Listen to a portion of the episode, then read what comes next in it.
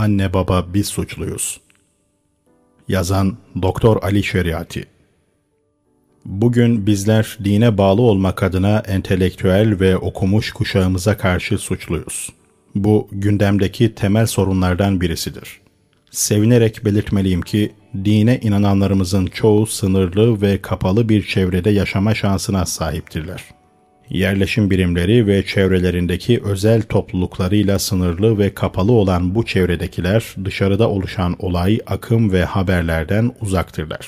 Vicdanları rahat, sorumlulukları da hafiftir. Tüm dünya ve toplum onların karşısında gibidir. Böyle toplumlarda bu tür düşüncelerle yaşayan kimseler için hiçbir çirkin iş meydana gelmez ki onlar sorumluluk duysunlar. Bunlar sadece dini işleriyle meşguldürler. Bunların içinde yaşadıkları çevre tamamen dindardır. Bu çevrede dini törenler ve gelenekler harfiyen yerine getirilmektedir. Bu ortamda yaşayan kimseler namazlarını kılmakta, dualarını yapmakta, oruçlarını tutmaktadırlar. Kelimenin tam anlamıyla yan, ön ve arkasında bulunan daracık çevredeki halkın tümü dini tören ve geleneklere katılmaktadırlar. Dini amel olarak bildikleriyle amel ederler. Ancak bu çevrede yaşayan kişinin acil ve bağlayıcı bir eylem yapmasını ya da ağır bir sorumluluk altına girmesini gerektirecek büyük bir olay veya tehlike gündeme gelmemiştir. Çevresinde hiçbir şey değişmemiştir ki o da düşünce biçimini, konuşma yöntemini veya tavırlarını değiştirsin. Dinin elden gitme pozisyonu yoktur ki dini korusun. Bir tehlikeyle karşı karşıya değildir ki kendini bu tehlikeye karşı kollasın. İşte kişi böyle rahat bir ortamda tamamlanmış bir sorumlulukla gidilen yolda ve rahat bir zamanda yaşayıp gitmektedir. Rüzgarsız, fırtınasız, kapalı, emniyetli, özel bir havayı solumakta, eziyet çekmemekte ve yüreği sarsılmamaktadır. Ama benim gibiler bir başka alemdedirler. Bir başka sınıfa aittirler bir başka kuşak ve çağda başka kültürlerle temas halinde, başka düşüncelerle ilişkide sosyal, politik ve düşünsel akım, ekol ve hareketlerden etkilenmektedir. Özet olarak bir başka dünya. Mevcut geleneksel ve katılımsal dine inanan veya inanır görünen birçok kişi konuşma ve değerlendirmelerinde benim gibilere hiçbir şey bırakmamaktadırlar benim gibilerin bırakınız din konusundaki yaklaşım ve analizlerini en basit konudaki görüşlerini dahi hoş görmez ve bağışlamazlar. Niçin kravat takıyorsun? Niçin sakalını tıraş ediyorsun? Niçin sözlerinde kamil anlamda salavat getirmiyorsun? Niçin tribüne çıkıp konuşuyorsun? Hatta niçin konuşmaların sırasında su içiyorsun? Niçin, niçin, niçin? İşte bu türden sorularla karşınıza engel olarak dikilip dururlar.'' Sosyal çevrelerinde, dini ve manevi dünyalarında en büyük tehlikelerin, en dehşetli hata ve bozulmaların, sapmaların, kabalık, çirkin ve katlanılması güç çöküşlerin meydana geldiği kişiler bunlardır ve bu sorular onların dışa yansıyan yüzleridir. Bu sıkıntıları ve belirtileri kitaplarında ve yazılarında da dile gelmektedir.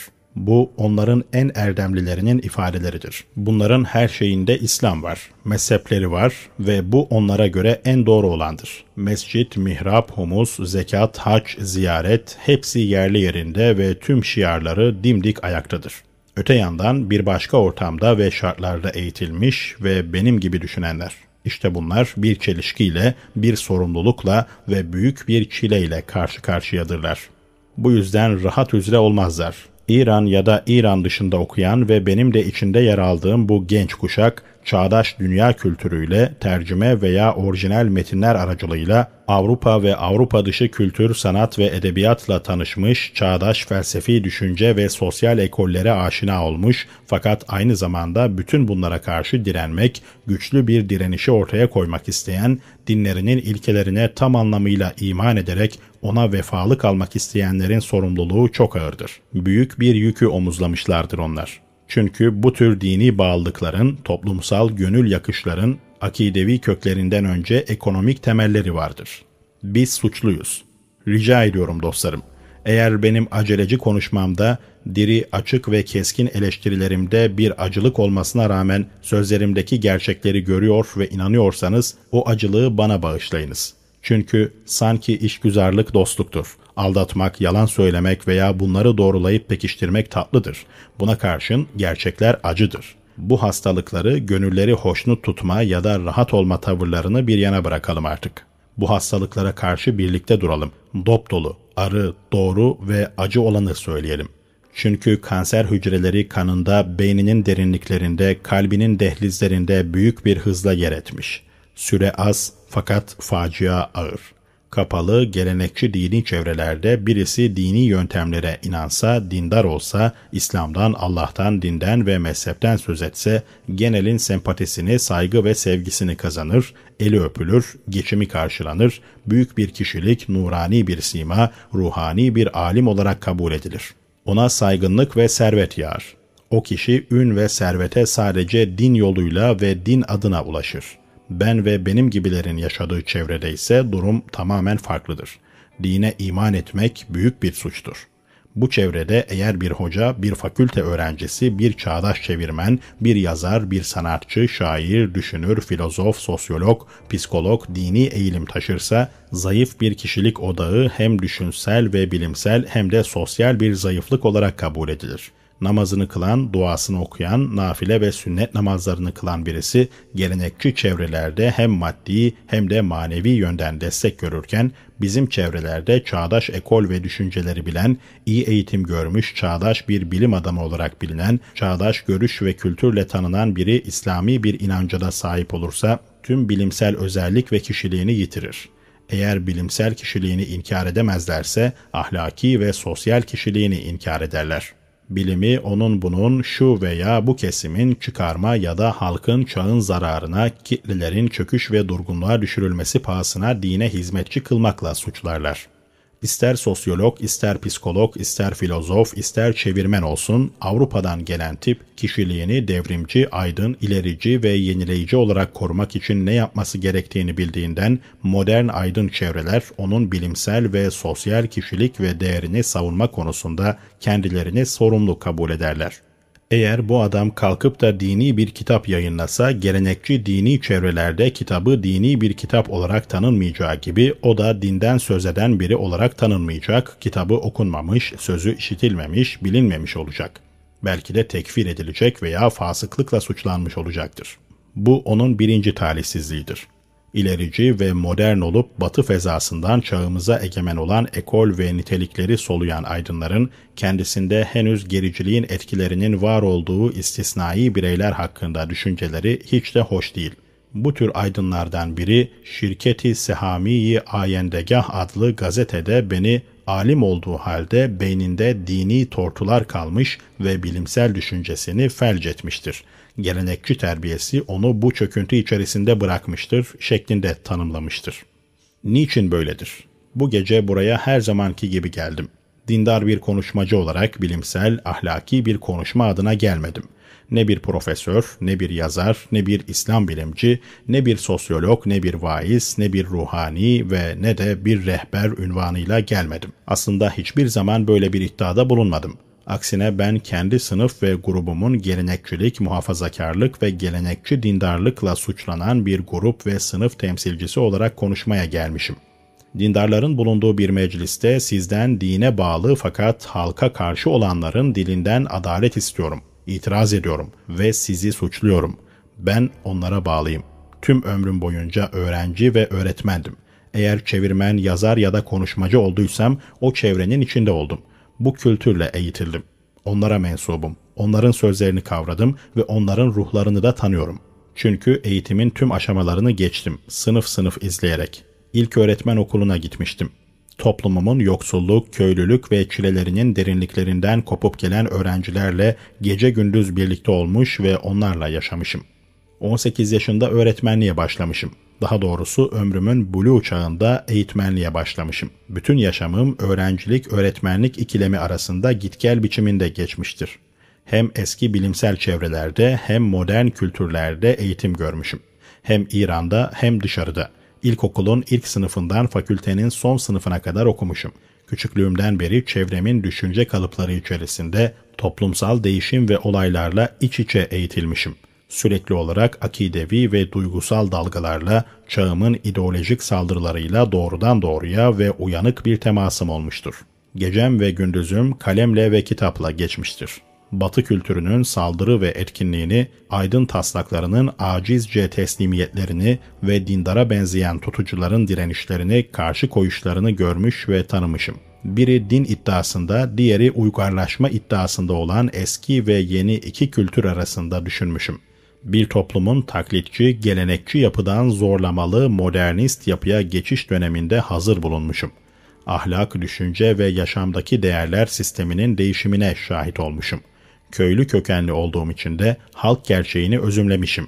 Dini eğitim gördüğümden toplumun vicdanına, fıtrat ve ruh derinliklerine inme yeteneğini kazanmışım. Batılı eğitim gördüğüm için çağımın görüş ve düşüncelerini tanımışım.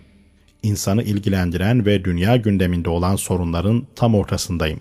Dindar toplumumuzun saldırıları gün be gün artan, dalbudak salan, etkinliği artan güçlü batı kültürü karşısındaki yazgısının ne olacağının bilincindeyim. Batı toplumu yaratıcı bir ruh, akli değerler, bilimsel bir kültür, maddi uyanıklık, gerçeklik, burjuvazinin yaşama kattığı görüş, bütün felsefi, ahlaki ve inanca dayalı sınırlamalara karşı isyan etmiş, yaşamın ve tüketimin soyluluğuna inanan güçlü, dinamik ve teknolojinin zirvesinde bir kültür. Oysa görüyoruz ki var olan din taşlaşmış zihni kalıplar içinde durmakta, yalnızca aile baskısı, toplumsal gelenekler ve çevre telkinleriyle korunmaya çalışılmaktadır. Sayısız beyinlerden oluşan bilimsel ve düşünsel odaklar heyecan ve telaştan birbirine düşmüş hareket, uyanıklık ve akli yenilikçilik sahibi, sürekli çağların ilerisinde olan, olayları ve toplumları peşi sıra sürükleyen İslam, şimdi izleyicileri olan toplumun arasında statik bir yapı arz etmekte, salt mukaddesler ve zihinsel inançlar boyutuna indirgenmiş bulunmaktadır. Bu boyut tahakkümün sürmesini sağlayan gelenekçi yönelimler biçiminde sürüp giden kimi amellere bağlı kalmıştır. Böyle bir ortamda uzak ve tanımadığı ufuklardan genç, uyanık, güçlü, sulta arayan, dünyaya yayılan bir herif ona saldırmış. Bilim ve teknik, edebiyat, sanat, büyük ekonomik güç, dini yok etmek için kazandığı tarihi güç ve başarıyla donanmıştır. Bu kültürün eli İslam'a karşı sonsuz kini olan Batı sömürgeciliğinin güçlü eliyle birliktir.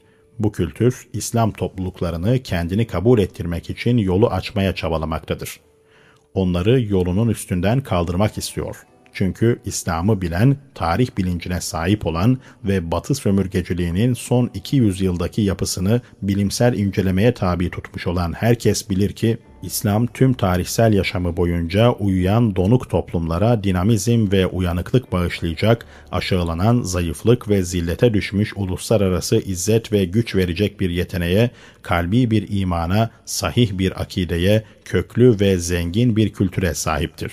Bu sebeple İslam kültürel sömürgeciliğin yayılışına en büyük engeldir.''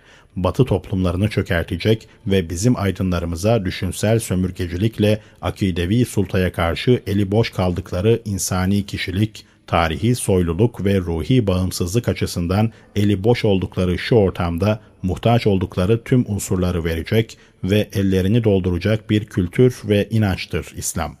Ben şiirleri, tiyatroları, tercümeleri, sanat ve edebiyat eserlerini etüt ederek ilerlemiş veya entelektüellere özgü derneklerdeki tartışmalarda bulunarak bu noktaya gelmiş değilim. Ben yukarıda sözünü ettiğim sınıf ve grubun temsilcisi olarak toplumun sade insanlarından biriyim ve onlara birçok bağla bağlıyım entelektüellerin, yazar, bilgin ve ideologların kavrayıp düşündüklerini toplum vicdanının derinliklerinde denemiş, onların zihinsel ve teorik planda algıladıklarını ben ümmice etim ve derimle hissetmişim. Ben sosyal olayları, düşünsel ve yaşamsal değişimleri yaşamışım.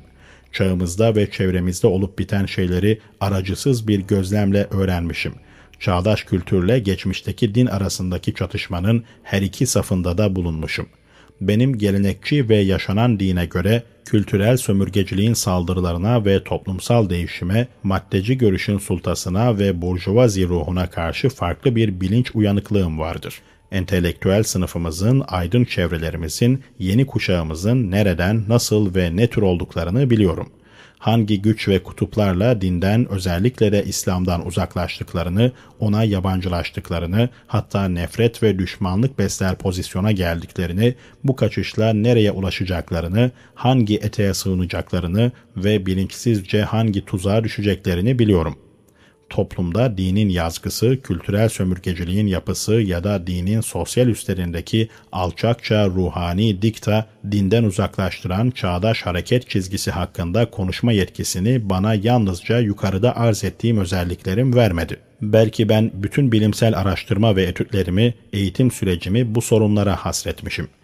Uygarlıklar tarihi, dinler sosyolojisi, dinler tarihiyle son 200 yıldaki toplumsal devrim ve düşünce hareketlerini sürekli izlerim. Özellikle de 3. dünyadaki anti-sömürgeci diriliş hareketlerini tanırım ve çağdaş ideolojileri özellikle İslam tarihini, İslam toplumlarında sömürgeciliğin geçmişini, düşünsel, politik ve sosyal planda bu toplumda meydana gelen değişimleri bilirim. Bunları bilmek ve tanımak bana daha fazla konuşma hakkı vermektedir ki toplumumuzun sosyolog ve aydınlarının kültürel planda dine özellikle de İslam'a karşı tavır koyuşlarına karşı durayım.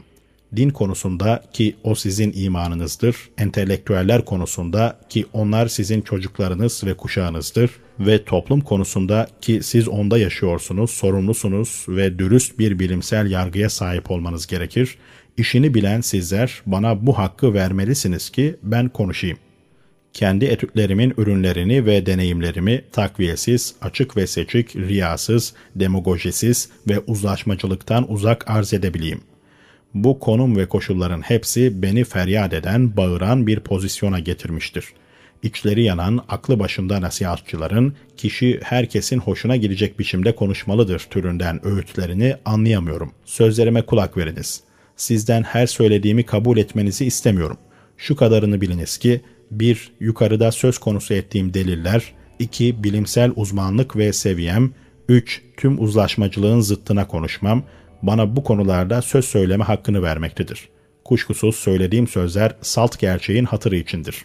Eğer görüşüm doğru değilse bile niyetim doğrudur. Feryadım dert ve sorumluluktandır.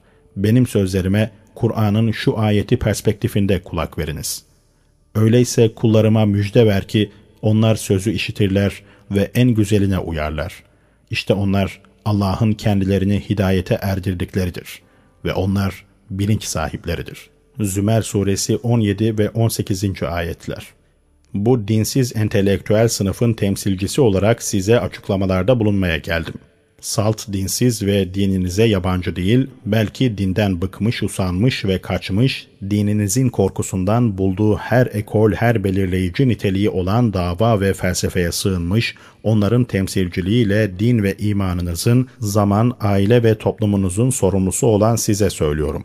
Niçin benim sınıf ve grubum sizden usanmış, size yabancılaşmış ve siz ona yabancılaşmışsınız? Birbirinize bir tek söz söyleyecek durumda değilsiniz.'' Annelere söylüyorum. Niçin kızlarınız sizinle, siz de kızlarınızla konuşamıyorsunuz? İki ayrı dili konuşuyor ve iki ayrı havayı teneffüs ediyorsunuz. Ne onlar sizin için söz dinleyen, iyi geçinilen biri, ne de siz onun için mantıklı ve çekici bir öğütçüsünüz. Babalara söylüyorum. Oğlunuz ahlaki bir bozulma nedeniyle değil, belki düşünsel ve akidevi delillerle sizden kaçmış ve size yabancılaşmış.'' Günümüzün İslam'a inanma, dünyada egemen dinsizlik ve imansızlık çağında imanını koruma, akide ve amelini sürdürme iddiasında olan, öte yandan Müslüman, dindar olma sorumluluğuna sahip çıkan sizlere aile ve çocuklarınızın kurtuluşu için apaçık Kur'an'la çalışmanız gerektiğini hatırlatıyorum. Sadece hatırlatmıyor, haykırıyorum da. Ey iman edenler! Kendinizi ve ehlinizi yakıtı insanlar ve taşlar olan ateşten koruyunuz.'' Tahrim Suresi 6. Ayet Evet, ben sizin iman ve düşüncelerinizi kutsatmış bu ateşi size haber vermeye geldim. Niçin dininiz ve imanınız sarsılmaktadır diyorum. Niçin akidenizi kollamanız zorlaşmıştır. Niçin her kuşaktan sonra daha bir yalnız kalıyor ve daha bir zayıflıyorsunuz.'' Niçin bu çağın ruh ve düşüncelerinin karşısında geri çekiliyor, kendinizi aciz hissediyor, çağdaş kuşağın ıslahı için duaya yönelmekten başka bir yol izlemiyorsunuz? Biz suçluyuz. Her gün 10 mektup alıyorsam 20-30 tane eleştiri yazıyorum demektir. Bu 30'dan 5'i müminlerin bana yönelttikleri itirazlar hakkındadır. Örneğin niçin filan yerde peygamber mescide geldi?'' Müslümanların kendi gıyabında da birliklerini korumalarından çok memnun oldu. Veya bir başka yerde namaz hakkında şöyle demişsin. Miftah kitabı hakkında böyle demişsin. İşte bu eleştirilerden beş tanesi bu türden eleştirilerdir. Bu eleştirilerden geriye kalan 25 tanesi ise sen dine dayanmakla bilim ve aydınlara ihanet ediyorsun türünden itirazlardır ki bunlara önem veriyorum. Çünkü ben onlardanım. Onlara karşı sorumluyum. Çünkü bu sınıf toplumun akide, kültür ve düşüncesini hatta toplumun kendisini şu anda ve gelecekte biçimlendiren bir sınıftır. Toplum ve zamanın göstergesi işte bu yazar, düşünür, edebiyatçı, doktor ve mühendislerdir. Şu anda din adına yaşayan, güç sahibi, erk ve etkinlik sahibi olan sınıfla hiçbir sınıfsal bağım yok benim. Onların bana karşı olmamaları beni pek etkilemez. Benden alacakları pek bir şey de yok. Onlardan herhangi bir beklentim olmadığından ilgilerini ve beni doğrulamalarını da istemiyorum.'' Ne din adına ekmek yiyorum, ne minberciyim, ne mihrap sahibiyim, ne ruhani bir elbise giymişim, ne de dini ünvan ve yerim var. Ne dini bir konumum var, ne paracının müridiyim ve ne de onu arıyorum. Kendi grubundan ve kendi sınıfından sorumlu olan biriyim. Bu ünvanla konuşuyorum toplumda. Eğer yanınıza gelmişsem meclisiniz, dininiz, akideleriniz ve törelerinizle işim var ve grubumun temsilcisi olarak gelmişim.''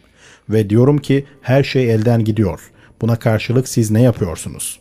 Ali'nin dediği gibi düşman size tuzak ve hile hazırlıyor. Sizinle oynuyor. Siz bir tedbir bile düşünmüyorsunuz. Düşman sizden grup grup zorla elde etmekte ve siz öfkeyle dolup taşmaktasınız. Onlar bir dakika bile sizi unutmazken siz habersiz başınızı alıp gitmektesiniz.'' Allah'a yemin ederim ki birbirinin yardımına koşmayan ve işi birbirlerine havale eden cemaat mağlup olur, yenilgiyi tadar. Evet, bu soru ve eleştirilerden 25 tanesi de şu türdendir.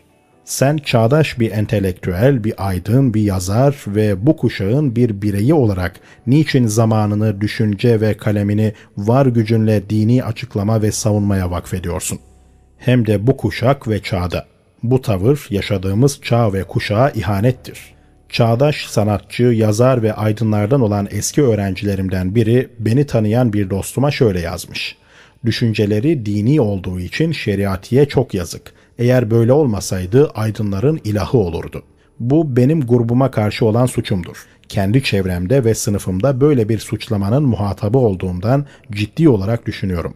Size yöneltişim de onların suçlamalarından değildir. Çünkü onların benimle, benim de onlarla bir işim yoktur.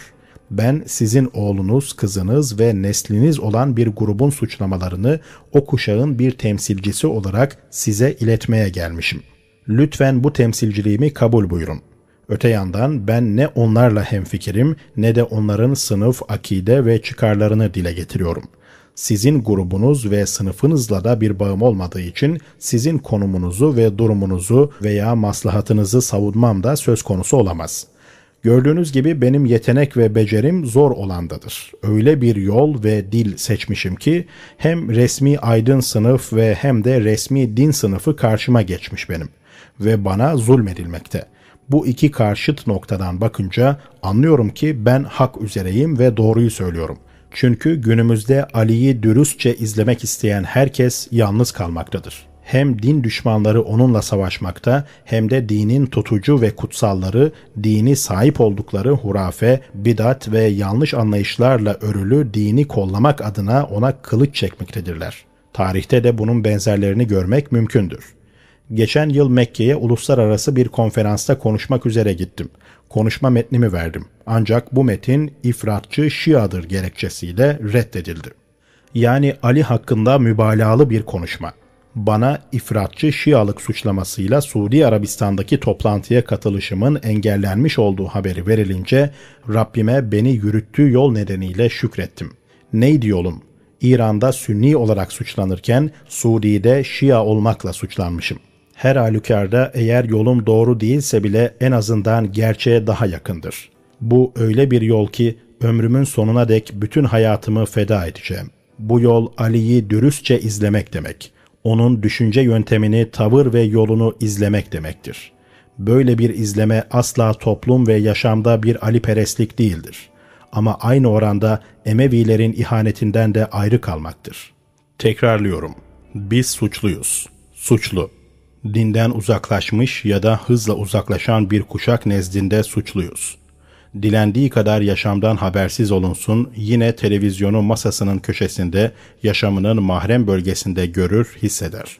Herkes sizin yani çocuğunu, kızını okula gönderen, kendisiyle ailevi veya akrabalık bağı bulunan bu genç kuşakla gün be gün uzak düştüğünüzü, birbirinizi anlayamadığınızı biliyor.'' Dahası bu dindar anne ve babanın entelektüel çocuğunun oyuncak ve maskarası olduğunu da biliyor. Bu ise kabul edilmesi gereken apaçık bir gerçektir. Hanımlar beyler, gün be gün düşünce bozukluğu ve labuali olmakla suçladığınız bir başka deyişle sizin ölçülerinize göre gerçeği kavrayamamışlıkla suçladığınız çocuklarınız. İşte bu tür yaklaşım ve suçlamada anne ve babaların yanlışlarından biridir genel yargı kadınların erkeklerden, gençlerin yaşlılardan daha eksik bilinç ve kavrayış yeteneğine sahip oldukları doğrultusundadır. Filancası tüm insani özelliklerinden, düşünsel ve bilimsel ayrıcalıklardan yalnızca erkek olmak özelliğine sahiptir. Bu kişi bilimsel bir toplantıya katılma, hatta yol gösterme, kesin yargılarda bulunma hakkını kendisinde görür. Öte yandan bu görüş bilip tanımadığı bütün kadınlara salt dişi olmaları cürmünden ötürü bir dini toplantıya katılma, bir ders ve konuya kulak verme hakkını bile vermez.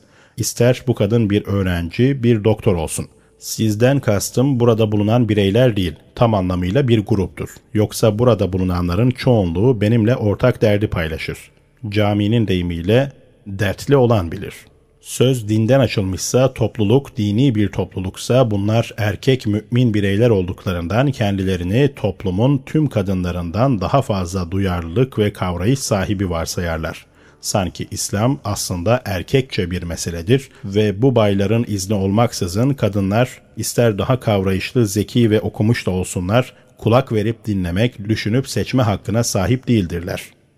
Madem onlar kadındır, öyleyse evde kalmalı, gözlerini Bay Hacı'nın sakalına dikmeli. Acaba bu Bay Hacı dini görev, akide ve düşünce konusunda ne ferman buyurur? İkinci yanlışlık şudur. Yaşlılar salt yaşlı olmaları nedeniyle kendilerini gençlerden salt genç olduklarından daha kavrayışlı bilir ve kendilerini aynı zamanda bir fetva makamı varsayarlar bir bayhacı işin edebiyatı olarak Kerbela'yı çileci, çeteleci bir mantıkla öğrenmiş ve İslam kültürünü bir ziyaretname olarak okumuşsa artık o bu bilgilerinden ötürü kendini okumuş, entelektüel, çocuğundan daha engin ve daha doğru düşünür bir konumda görmeye başlar. Ben çok görmüş ve işitmiştim birçok aydın ve bilgin tarafından genç ve okuyan kuşağa yönelik kitap, seminer ve konferans hazırlayıp bunların teveccühüne arz edildiğinde eh iyidir, şu genç ve öğrenci tipler için yararlı olabilir deyiverirler. Ama aynı zevat geleneksel meclislerin açılışında yürek yakıcı, sıcak ve duygulu sözler ve sevaplı niteleyişlerle bezeli konuşmalar yaparlar. Bu meclisler pazar ya da mahallenin ağır toplarının saygın tiplerinin toplandığı meclislerdir. Bu meclisler ciddi, yüksek düzeyli ve esaslı gibi deyimlerle nitelendirilir. Bunlar çoğunlukla birbiriyle ilintisi olmayan iki şeyi birbirine karıştırırlar. Para ve bilinç sahibi olmak ya da inanmış olmakla kavramış olmak ünlü, kutsal, değerli, aziz, güvenilir, isim ve konumuyla oturaklı, ailece soylu olan bu Bay Hacı nasıl olur da bir akidevi öğretiyi, bir bilimsel konuyu veya dini bir sorunu kavrama hak ve yetisine daha Hacı Ağa'dan haftalık ücret alan bir lise öğrencisi veya hacıdan hala kötek yiyen kızdan daha fazla sahip olamaz. Olur. Bir kere bunlar piyasada tutunan ve toplumda saygınlık kazanan kişilerdir. İkincisi bunların çocukları ailenin küçüğü olup öğrenen ve okuyanlardır. Ailede bunlara çocuk, küçük, parasız pulsuz kişiler gözüyle bakılır. Tüm eski kuşak ve piyasa toplumu nezdinde genç ve okuyan kuşak hep bu biçimde nitelendirilir ve onlara hep bu gözle bakılır. Bu duyguyu ve gülünç yanlışlığı da çoğunlukla toplumdaki vaizler güçlendirmektedirler. Vaizler bu hacıların hoşuna giden bir üslup kullanmaktadırlar hacının öğrenci oğlundan konuşulduğu, oğlu bu dürüst ve saf hacıyı utandırdığı için bayımız dertlidir. Mukaddes ünvanınız baş tacı fakat faydasız. Ayağın gözümüz, yerin başımız üstüne. Fakat avam olan sizin şu fasık kızınız, başıboş oğlunuz var ya, düne kadar konuşmaya dahi utanırken bugün senden ve Haciye Hanım'dan daha fazla kavramaktalar. Konuşma ve yürümeyi senin ona öğrettiğin doğrudur. Ancak bugün sözün bilimselini ve yolun topluma yönelik olanını o senden daha doğru teşhis etmektedir. İşin başında evde namaz kılışını öğretmek, dinin usulünü gusul, abdest, necaset, taharet gibi kavratmak için çabaladığın doğrudur. Fakat o şu anda başka bir şeyler okumuş, kavramış, okuyor, kavruyor, düşünüyor, istiyor, eleştiriyor, itiraz ediyor ve akıl yürütüyor ki sen ve yedi ceddin bunları yapmamışsınız. Peki sen bu ortam ve konumda onun zihnine baskın çıkmaya yüz tutmuş düşünceler karşısında ona verecek, ona takdim edecek nelere sahipsin?'' varoluşçuluğu etüt ediyor. Fakültede, konferans ve kütüphanelerde, oturum ve panellerde Farsça olarak Kant'ı, Descartes'i, Hegel ve Engels'ı öğreniyor. Sen bunlara karşılık olmak üzere ona Tufanül Buka ve Muharrikul Fuad'ı mı vermek istiyorsun? Ona takdim edecek, verecek hangi kitaba sahipsin? Onun dil, çağ, istek, arzu ve mantığına dini yerleştirecek, onu dine yöneltecek nelere sahipsin? Senin onu tatmin etmeyen sözlerine o kulak vermez.'' Bu yüzden sizi suçlamaya devam eder. Senin dinin, din adına yaptığın tüm ameller ve sahip olduğun akiden hepsi boş ve zararlıdır. Sizi suçlar. Senin inandığın din seni ölümden önceki dünyadan gafil kılarak tüm kuşku, çaba, telaş ve sorumluluğunu ölüme ve ölümden sonraya hasreder. Oysa ben çağdaş, genç, aydın, entelektüel olarak ölümden önceyle ilgiliyim.'' Senin dininse bana ölümden önceye ilişkin bir şey söylememektedir. Sana da söylemediğinden sen de bir şey bilmemektesin. Sen benim bu inanç ve amelim münker nekire cevap vermek doğrultusundaki derdin dermanıdır diyorsun. Ve yine başımı mezara koyup üzerimi toprakla örttüklerinde bana olan faydası gün ışığına çıkar, etkisi görülür. Dünyada yaptığım işlerin mükafat ve cezası orada bana ulaşır diyorsun. Diyelim ki bu doğrudur. Peki senin dinin ölümden önce bize ne vaat ediyor? Önerisi ne? Ki biz yoksulluk, zillet, çaresizlikler içerisinde can veriyoruz. Hiçbir şey vermiyor. Sen ateşler içinde yanıyorsun. Senin halkın, ulusun, dünya halkları, kısacası tüm insanlık ateşten bir yaşamı sürdürüyor. Oysa sen bu ateşin farkında olmadığın gibi sıcaklığını da hissetmiyorsun. Senin gece gündüz ağlaman hep ölümden sonraki kıyamet, azap ve ateşinin tasavvuruna yöneliktir.'' Oysa ben şu anda insanlığın tepesine indirilmiş, beni, seni, onu, herkesi yakan ateşle ilgiliyim. Hangi faktör ya da suyun bu ateşi söndüreceğini araştırmaktayım. Anne baba, ben senin halis ve içtenlikli yalnızlığında bulundum. Bütün varlığın iman, ihlas ve içtenliğinle Allah'ı, peygamberi, imamları ve tüm kutsal bildiklerini çağırarak şöyle bir niyazda bulunduğunu duydum. Allah'ım, bana kurtuluş bağışla. Beni selamete ulaştır. Yaşamıma sağlık, borçlarımı ödeme ihsan eyle. Hastama şifa, yolcuma salimen dönüş nasip eyle. Geçmişlerimin ruhlarını bağışla. Kabire konulduğumda yardımını esirgeme. Beni yakıcı ateş ve azaptan koru. Beni cennetinde ulu ve kutsal kimselerle birlik kıl. Baba, senin bu dininin sonu nasıldır? Onun mensupları insanlıktan söz etmez.'' toplum ve insanların yaşamından, kendi çocuğundan da söz etmez. Bu dinin tümü bendir. Bu dua bana Arif'in şu yakarışını hatırlattı. Allah'ım, eğer beni cehennemine koyacaksan, cismimi o kadar büyüt ki tüm cehennemi doldursun.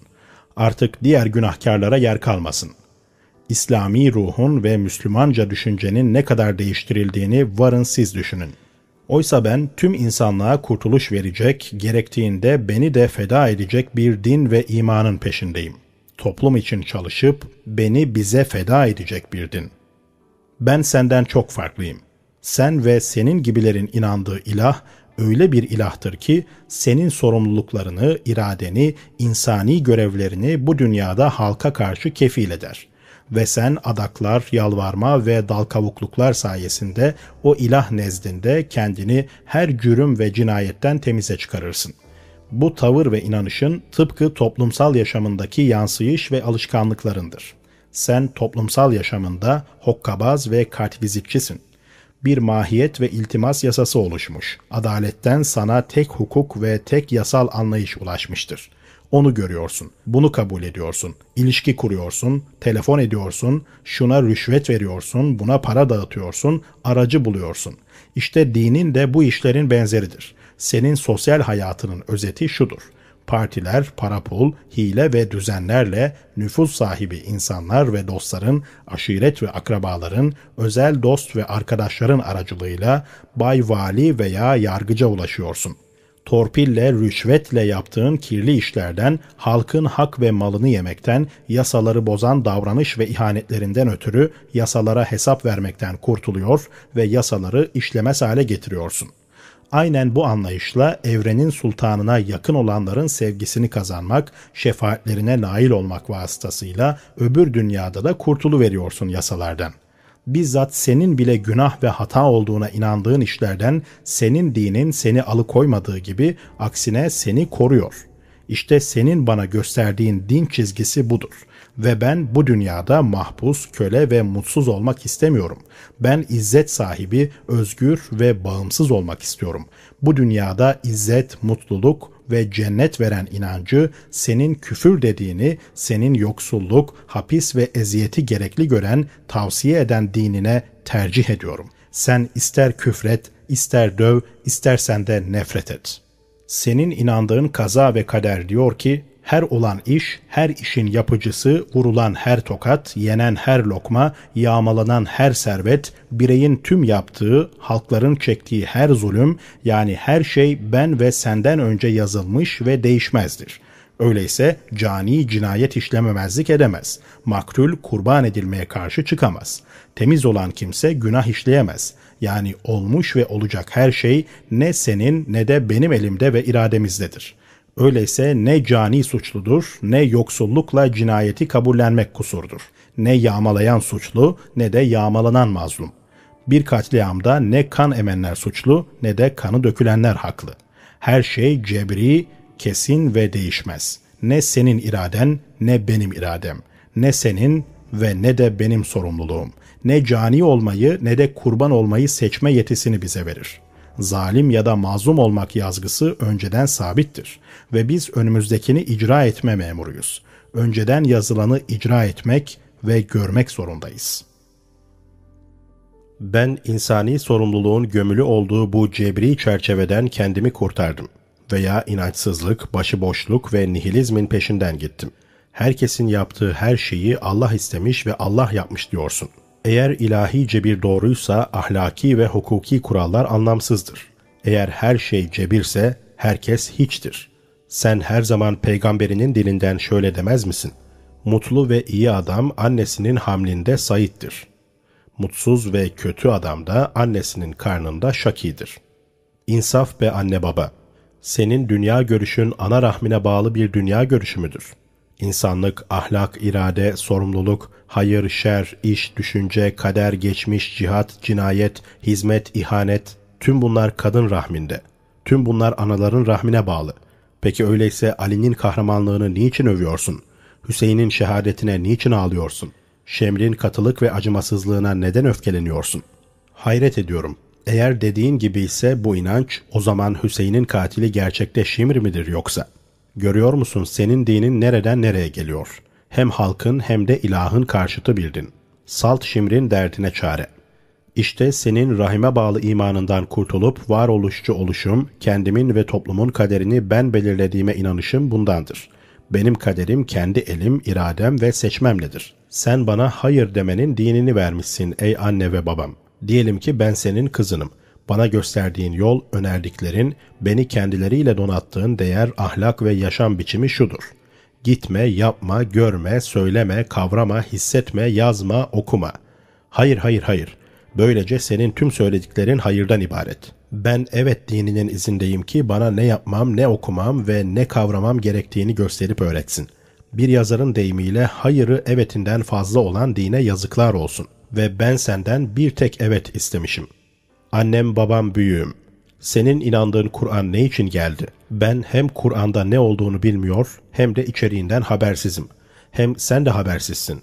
İşte bu nedenle kafirle ben ve sen ders arkadaşıyız. Sonuçta benim onunla bir işim yok. Çünkü okumak için gelmeyen bir kitap neye yarayacak?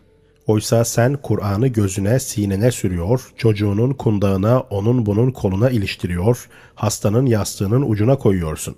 Gördüğüm kadarıyla sen bu kitabı şöyle kullanıyorsun. Evinden çıktığında ondan birkaç ayet okuyor, kilidine üflüyorsun. Ben güçlü ve ileri tekniğin ürünü bir kilidi alır, kapıma takarak kapımı kapatırım ve üfürüğe ihtiyaç duymam. Sen korunman ve selametin için ondan bir nüshayı ceketin astarına diktiriyorsun veya kendi boynuna ya da öküzünün boynuna asıyorsun. Ben gider paramı bastırır, uzman bir doktora muayene olur, ilacımı alırım. Sen seçme, kararlılık, amel, yargı, kavrama ve düşünme yerine, Kur'an'dan bunları edinme yerine onunla istihare ediyorsun. Oysa bu saydıklarım insanın işi.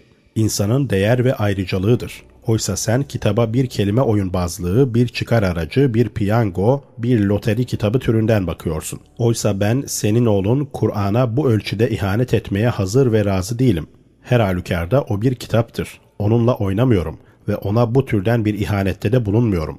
Ben bilim, zihinsel eğitim, bilgi ve araştırmayla uzmanlara, dahilere, bilim adamlarına başvurmayla aklımı kullanıyorum. Mantığımla düşünüyorum. Ben Kur'an'da yazılanları düşünüp hayattaki iyiyi, kötüyü ve düzgün yolu ayırt etmek için okurum. Bunu istihareyle yapmam. Gözlerimi açar, metnine bakar ve konuyu araştırırım. Yoksa gözlerimi kapatıp şans ve rastlantı sonucu açılan sayfanın sağ üstündeki ilk cümle veya kelimesini seyretmeli miyim? Değil. Böyle yaparak onun herhangi bir sayfasını açıp işim için kullanarak herhangi bir sorunum hakkında yargıya varamam. Bu saygısızlıktır en azından. Babacığım, ben bir öğrenciyim. Eğer biri benim ders, kitap, not, fasikülümle bu biçimde oynarsa mutlaka acı duyar. Üzülürüm. Öte yandan ben okumak isteğiyle ele alınmayan bir kitabı velev ki Allah'ın sözü de olsa bırakır ve onun yerine okumak için ele alınan kitabı alırım. Sen de ben de acı çekmemiş, rahatsız olmamış oluruz. Anne baba, senin namazın netice itibariyle sağlık olsa bile hiçbir ahlaki ve ameli ıslaha neden olmadığından olsa olsa hep tekrarlanan bir spor türüdür. Sabah akşam namaz kılıyorsun ama ne lafız ve rükünlerinin anlamını biliyor ne de gerçek hedef ve felsefesini kavruyorsun. Nedenini, niçinini, anlam ve hedefini bilmediğin, pratik yansımasından yoksun olduğun bir namaz. Ben daha istikrarlı ve yararlı bir spor biliyorum. Hem pazularımı hem bedenimi güçlendirir. Hem kan dolaşımımı ve teneffüsümü hem de sindirimimi düzenlemeye ve onların sistemli çalışmalarına yardımcı olur. Bu hareketleri her sabah şiirler ve müzik eşliğinde ruhumu da etkilendirerek yaparım.'' 10 yaşından beri spor yapıyorum. Sense namaz kılıyorsun. Ben güzel bir vücut, sağlıklı, kan dolu bir bünyeye sahipken sen çökmüş, kamburlaşmış, hani neredeyse yanağını tutsalar canı çıkacak bir haldesin. Senin namazının senin hayatındaki etkisi kamburlaşan sırtınla yamalı dizin. Hangisiyle yenilmiş, hangisiyle köleleşmişiz? Sen diyorsun ki namaz kılmak Allah'la söyleşmektir. Birinin karşısındakiyle konuşup söylediği sözlerin ne anlama geldiğini bilmediğini bir düşün bütün dikkat ve çabasını harflerin mahreçlerine ve kalkalesine filan yoğunlaştırsa. Eğer konuştuğunda sat harfini kazara sin olarak telaffuz etse konuşması yanlış olur. Ama eğer muhatabına söylediğinin anlamını bilmez ve algılamazsa bir şey olmaz. İnsaf doğrusu. Ben sizin bütün tarihiniz boyunca ısrar ve ihlasla birinden bir şeyler istediğinizi fakat istediğiniz şeyin ne olduğunu bilmediğinizi görüyorum.'' Eğer biri günde beş defa ve her defasında birkaç kez ısrar, yakarış, acizlik ve niyazla sizden bir şey isterse, ne istediğini bilmez ama hep tekrarlar, bir pozisyonda olursa, yani istediği hakkında hiç bilgi sahibi olmayıp sadece ısrarla istiyorsa siz ne yaparsınız? Size ne yapmak uygun düşer? Siz ona ne verirsiniz?'' Eğer bu işin sizin korkunuzdan kaynaklandığını ya da görev telakki edildiğini ama her halükarda bir alışkanlık olduğunu fark ederseniz ne yaparsınız? Ne yapmalısınız? Eğer çok bilinçsiz hatta bilinç karşıtı mayalı bir adam Allah'ın dergahına gelirse daha ilk namazın ilk rekatındayken Allah onu dergahından kovar. Onu üçüncü dünyanın en kötü yerlerinden birine sömürgeciliğin kucağına atar.'' Sömürgeciliği fark etmez, yük çeker, yemek bile yemeden Allah'a şükreder. Ahiretteki cennet arzusuyla dünya cehenneminde yaşar. Zillet, yoksulluk ve cehalet çukurunun Ebu Leheb'i olurken karısı da onun odun taşıyıcısı olur. Eğer Allah lütfedip de onu kurtarsa değirmen eşeği gibi ömrünce uzak durur. Hiçbir şeye karışmaz, karşı çıkmaz. Uzak durur, uzak durur. Bu uzak duruş dinin yolu izinde geçen bir ömrün gün batımında öyle bir an gelir ki sabah olmuş hem de ne yaptığını görmemek için kapalı bir göz ve hazırladığını yememek için kilitli bir ağızla. İşte budur mümin kul. İffet ve takva dedikleri budur. Sakınma ve zühd diye adlandırdıkları budur.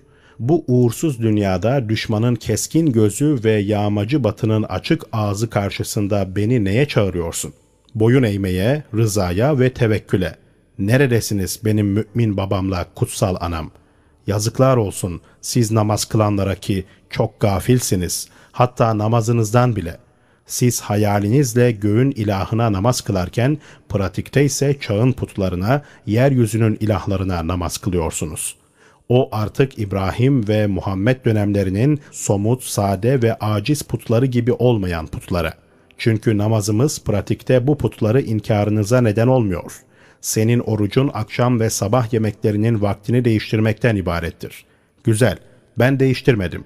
Ben doktor kontrolünde şişmanladığımda rejim yapar, kesin sonuçlara varırım. Oysa sen mide veya 12 parmak bağırsağı ülseri olan her 4 saatte bir yemek yemen gerekir.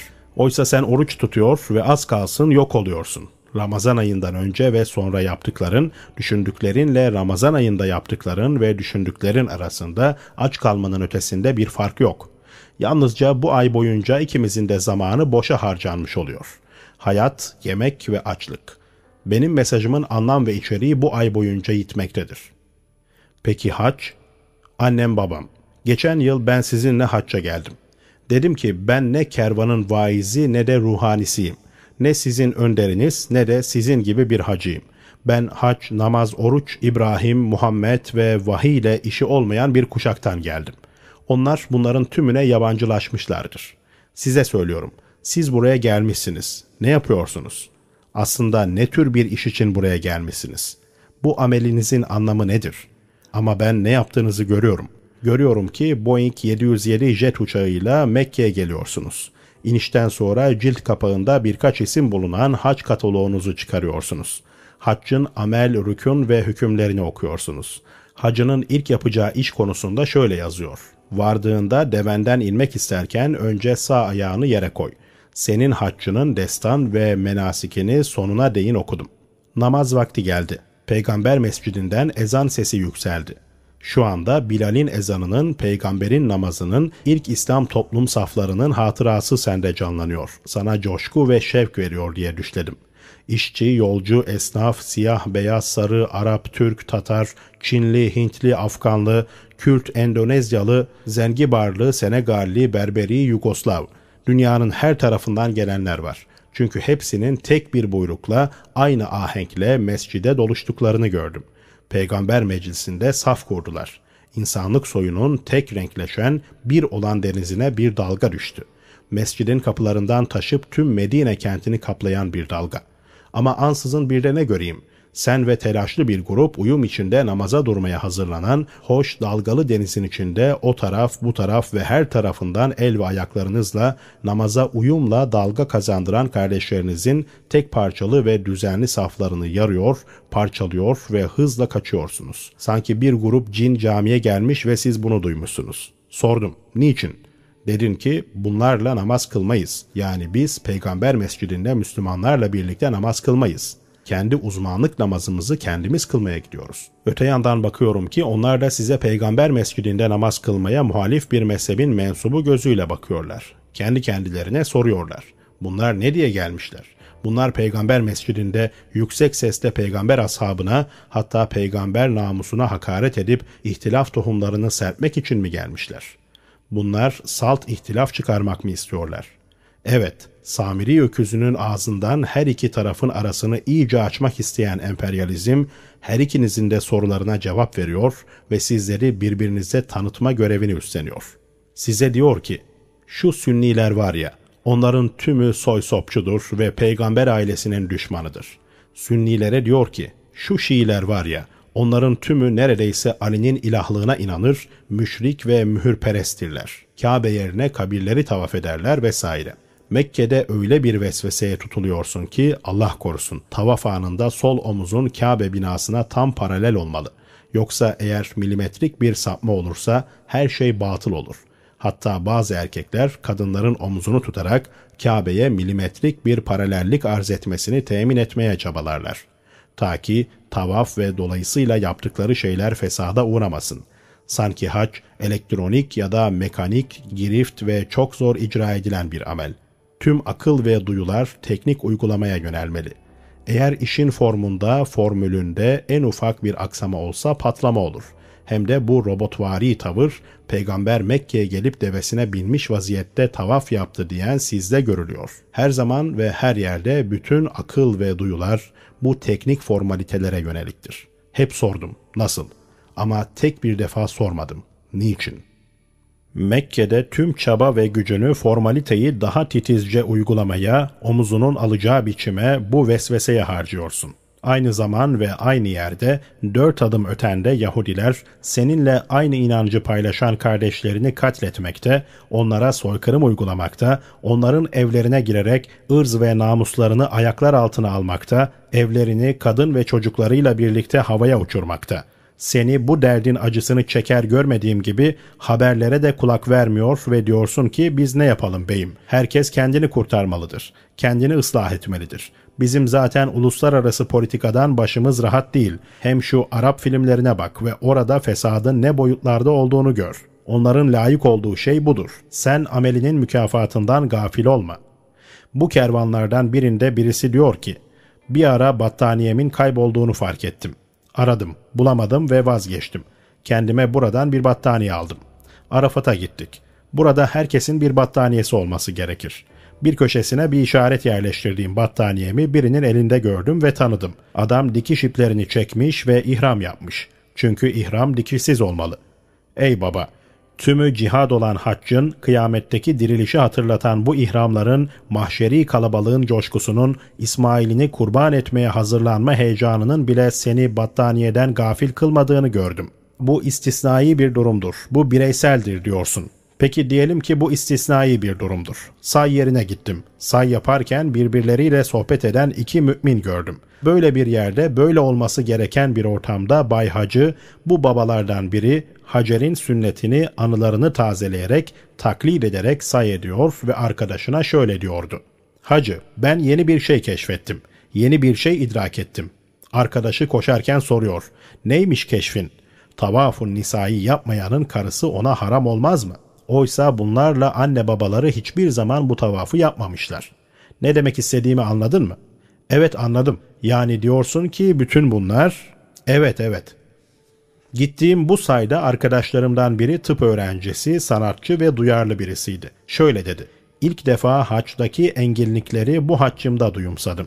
İslam'ın hangi kerteye değin düşünce ve anlam yüklü olduğunu algıladım.'' Oysa ben dinin bu ölçüde felsefe, enginlik ve kültür sahibi olabileceğini asla düşünmemiştim. Şiddetle bu manevi duygunun, bu düşünce, enginlik ve sorumluluk düzeninin etkisinde kaldım. Karar almıştı. Her noktaya daha bir özenle eğiliyor ve her şeyi anlamlandırmaya, bir engin içeriğe, bilince dönüştürmeye çalışıyordu.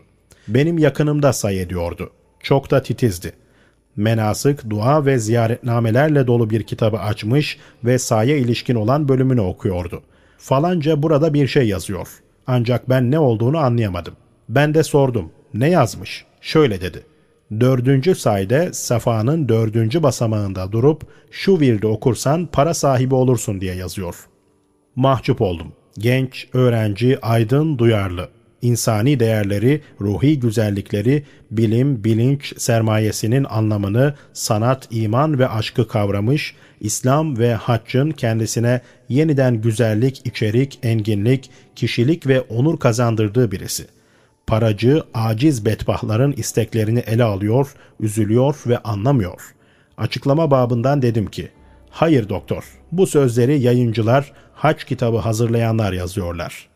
Cilt kapağını ve müellifin adını bana gösterdi. Sırtım terledi, titredim. Verdiğim cevap yola koyulup saime devam etmekti. Hem de ne hızla. Diyorum ki bu söz belki doğrudur. Belki para sahibi olmanın yolu budur.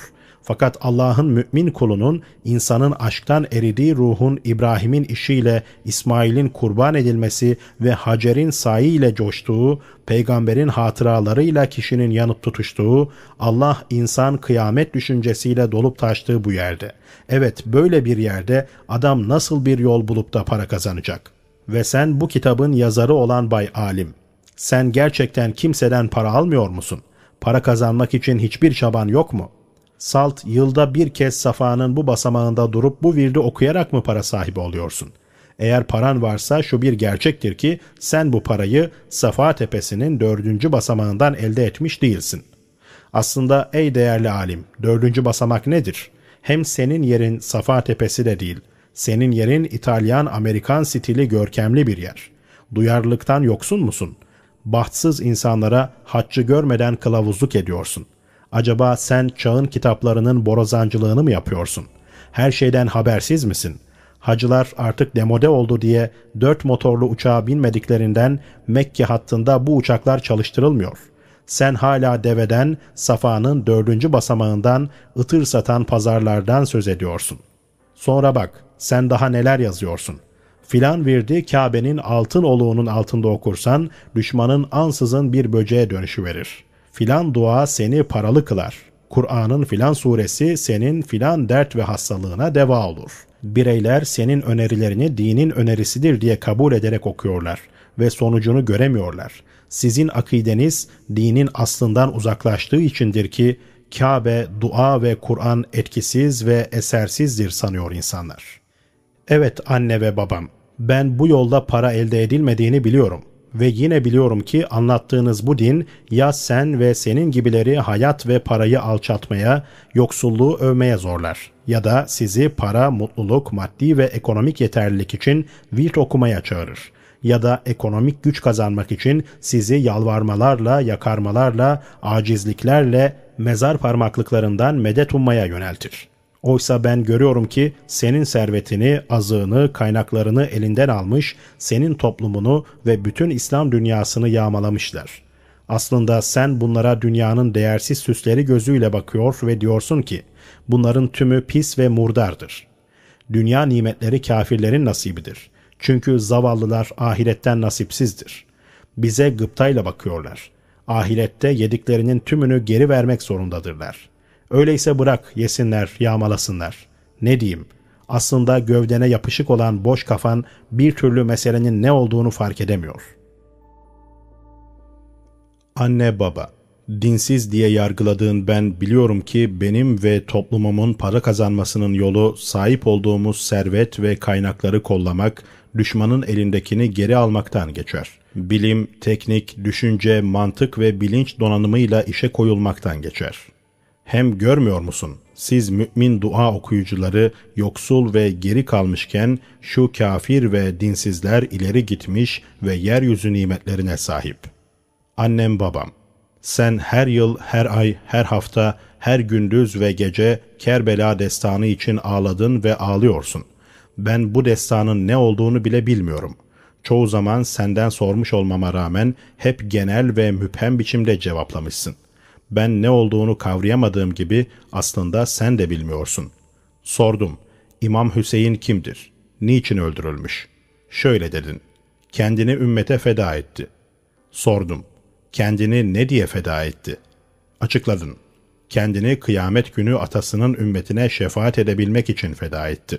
Dedim ki, baba bu Hristiyanların Hazreti Mesih hakkındaki sözleridir.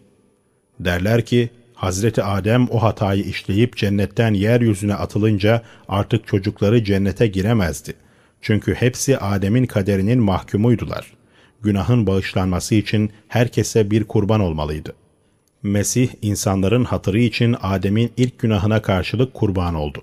Ta ki insanlara ondan sonra yeryüzünden kurtuluş ve cennete dönüş yolları açılsın.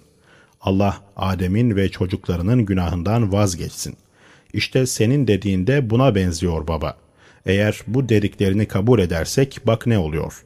Hüseyin'in kendini, bütün ailesini ve her şeyini cinayet ve zulmün kılıcına vurdurtması, şehadeti seçmesi senin benim yaşamımız için değildi.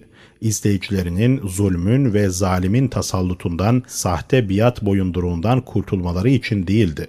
Özetle halkın özgürlüğü, adaletin yayılması ve hakkın ihyası için değildi. Ya ne içindi? Şunun içindi. Biz bu dünyada günah işleyelim, ona yakarıp ağlaşalım da o da bize kıyamette şefaat edip bizi kurtarsın. Böyle olunca Hüseyin bu dünyada işimize yaramaz. Pes doğrusu. Evet baba, her şey bütün çaba ve yaklaşımlarınız bunun gibi. Bu din bu dünyada işe yaramaz. Bu din tümüyle ahiret masraflarını kotarmaya yöneliktir. Bu ise ancak dünyacılara başarı kazandıran bir anlayıştır. Daha doğrusu bu, dünya zedelerle dertlere sunulan bir uyku ilacı. Annem babam, ben bu dünyada kurtuluş verecek, benim pratik cehenneme benzer hayatımla mahkum kaderime bu dünyada çözüm getirecek, senin deyiminle şefaat edecek bir kahramanı arıyor ve izlemek istiyorum. Sen bana kendini Kerbela devriminin uzmanı sayan birince yazılmış, konunun esaslı ve detaylı ele alındığını varsaydığın sayfaları kabarık ve hacimli, adı da Şehit Hüseyin'i savunma olan yeni basılmış bir kitabı verdin. Ben de alıp okudum onu. Annem babam, ben dünya hareketlerini irdelemişim. Büyük Fransız devrimini, dünyanın ilerici olan olmayan hareketlerini okumuşum. Biliyorum, bütün ekollere aşinayım ve sen hala bana bu kitabı İmam Hüseyin'i tanımam, değerlendirip ikna olmam için veriyorsun.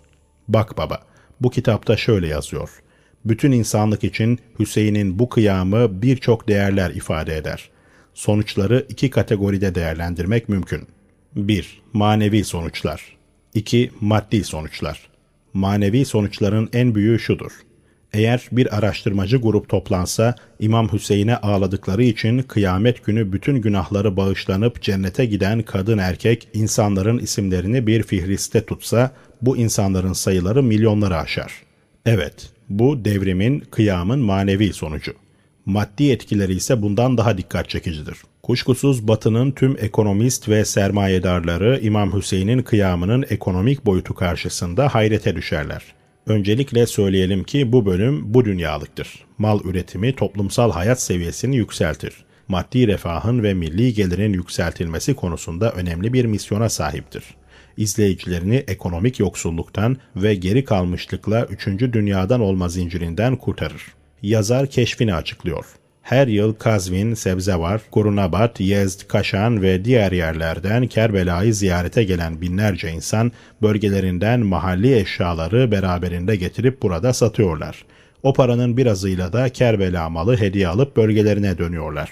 Bütün bu ithalat, ihracat, ekonomik mübadele yoluyla Kerbela ile diğer İran kentleri arasında dünyada eşi görülmemiş sürekli ve canlı bir ekonomik yapı oluşuyor.'' Dedim ki bu ne dar görüşlülük, bu ne biçim dindarlıktır, bu ne biçim bir deve kuşu bakışıdır ki sana hiçbir bakış açısı kazandırmamış. Hatta gözlerini bile senden almış. Öyle ya, sen ufak bir Japon şirketinin mübadele ve ihracatının boyutlarını ya da ufak bir kentin sahip olduğu ekonomik hareketliliği bile göremiyorsun.'' Bir zavallı İran köylüsünün parasızlıktan dokuduğu ya da önceden sahip olduğu kaba bir halı, seccade, çul veya kilimi götürüp Kerbela, Küfe ve Necef'te kendisi gibi bir Iraklı araba satarak o paranın bir kısmıyla da anne, baba, nine, hala, dayı, amca veya teyzesine bir avuç boncuk, tesbih ya da Kerbela toprağı alıp getirmesi senin gözlerini açmış.'' Bu ekonomik canlılık, ithalat, ihracat öyle bir ekonomik yapı oluşturuyor ki insanlık tarihinde eşi yok. Madem sonuç bu, o zaman Kerbela devriminden bu denli güçlü bir ekonomik modeli analiz ederek keşfettiğin için İmam Hüseyin'e minnet etmeli, onun başına bu keşfini kalkmalısın. Eskilerin aksine devrimi çağdaş bir görüşle değerlendirmişsin. Hüseyin'in kıyamının derinliğini, nedenlerini, hedef ve felsefesini gün ışığına çıkartmışsın.'' Bu tesbih ve boncukların baştan başa bütün İran topraklarında çabucak hem de doğuda ve batıda benzeri bulunmayan bir ekonomik yapıyı oluşturduğunu bütün aydınlara, dünyalılara kanıtlamışsın. İşte Hüseyin'in kıyamının akraba ve dostlarının şehadetinin ekonomik sonuçları. Anam babam, güzel dini düşünceli, öğüt verici bacım. Ben bir bilim öğrencisiyim. Diğer ortamların yazar, çevirmen veya öğretmeniyim. Uzman veya müçtehit değilim ki gerçekleri ve bilinmeyenleri gidip asıl kaynağında araştırayım. Ben mühendis, doktor, toplum bilimci veya ekonomistim. Bu kitap veya benzerleri dininizi anlatan kitaplardır. Sizin dini bilim ocaklarınızın ürünleridir. Bilginlerinizden hiçbirinin ister yazara ister kitaba yönelik olsun en ufak bir eleştirisi bile yayınlanmamış veya yapılmamış. Ben nereden bileyim? Bu tarihi, felsefi ve dini konuyu hem de girift olan bu meseleyi hangi kaynaktan araştırayım?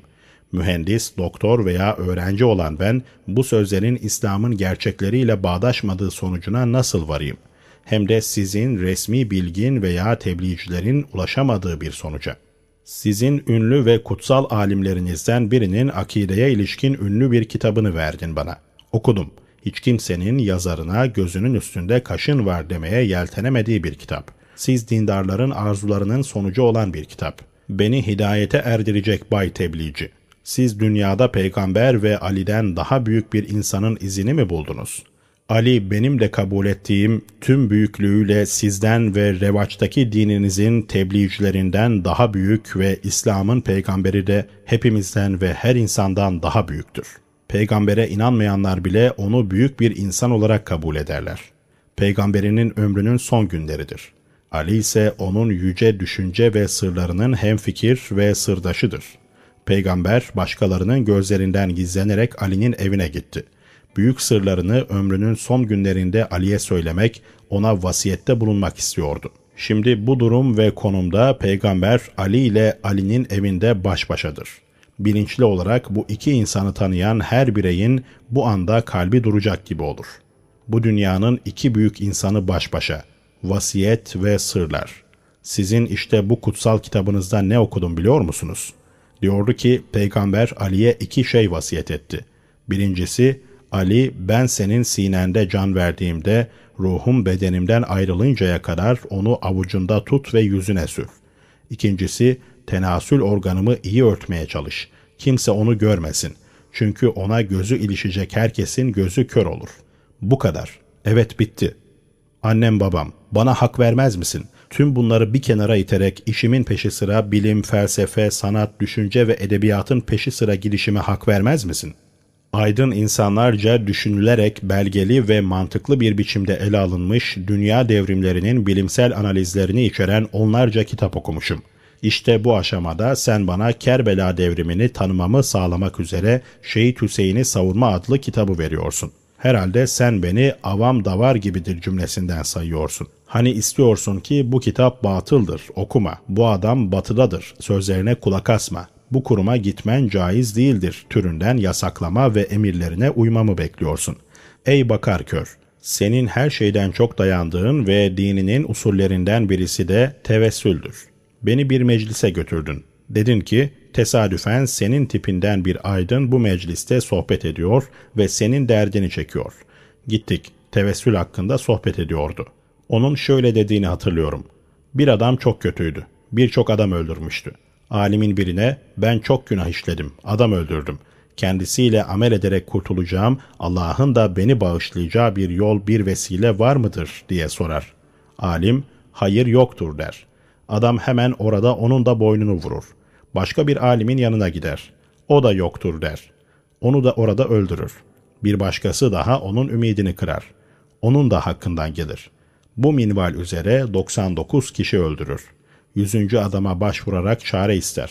Yüzüncü adam ona şeriattan bir yol bulur ve der ki, evet kurtuluş yolu var. Adam nedir diye sorar.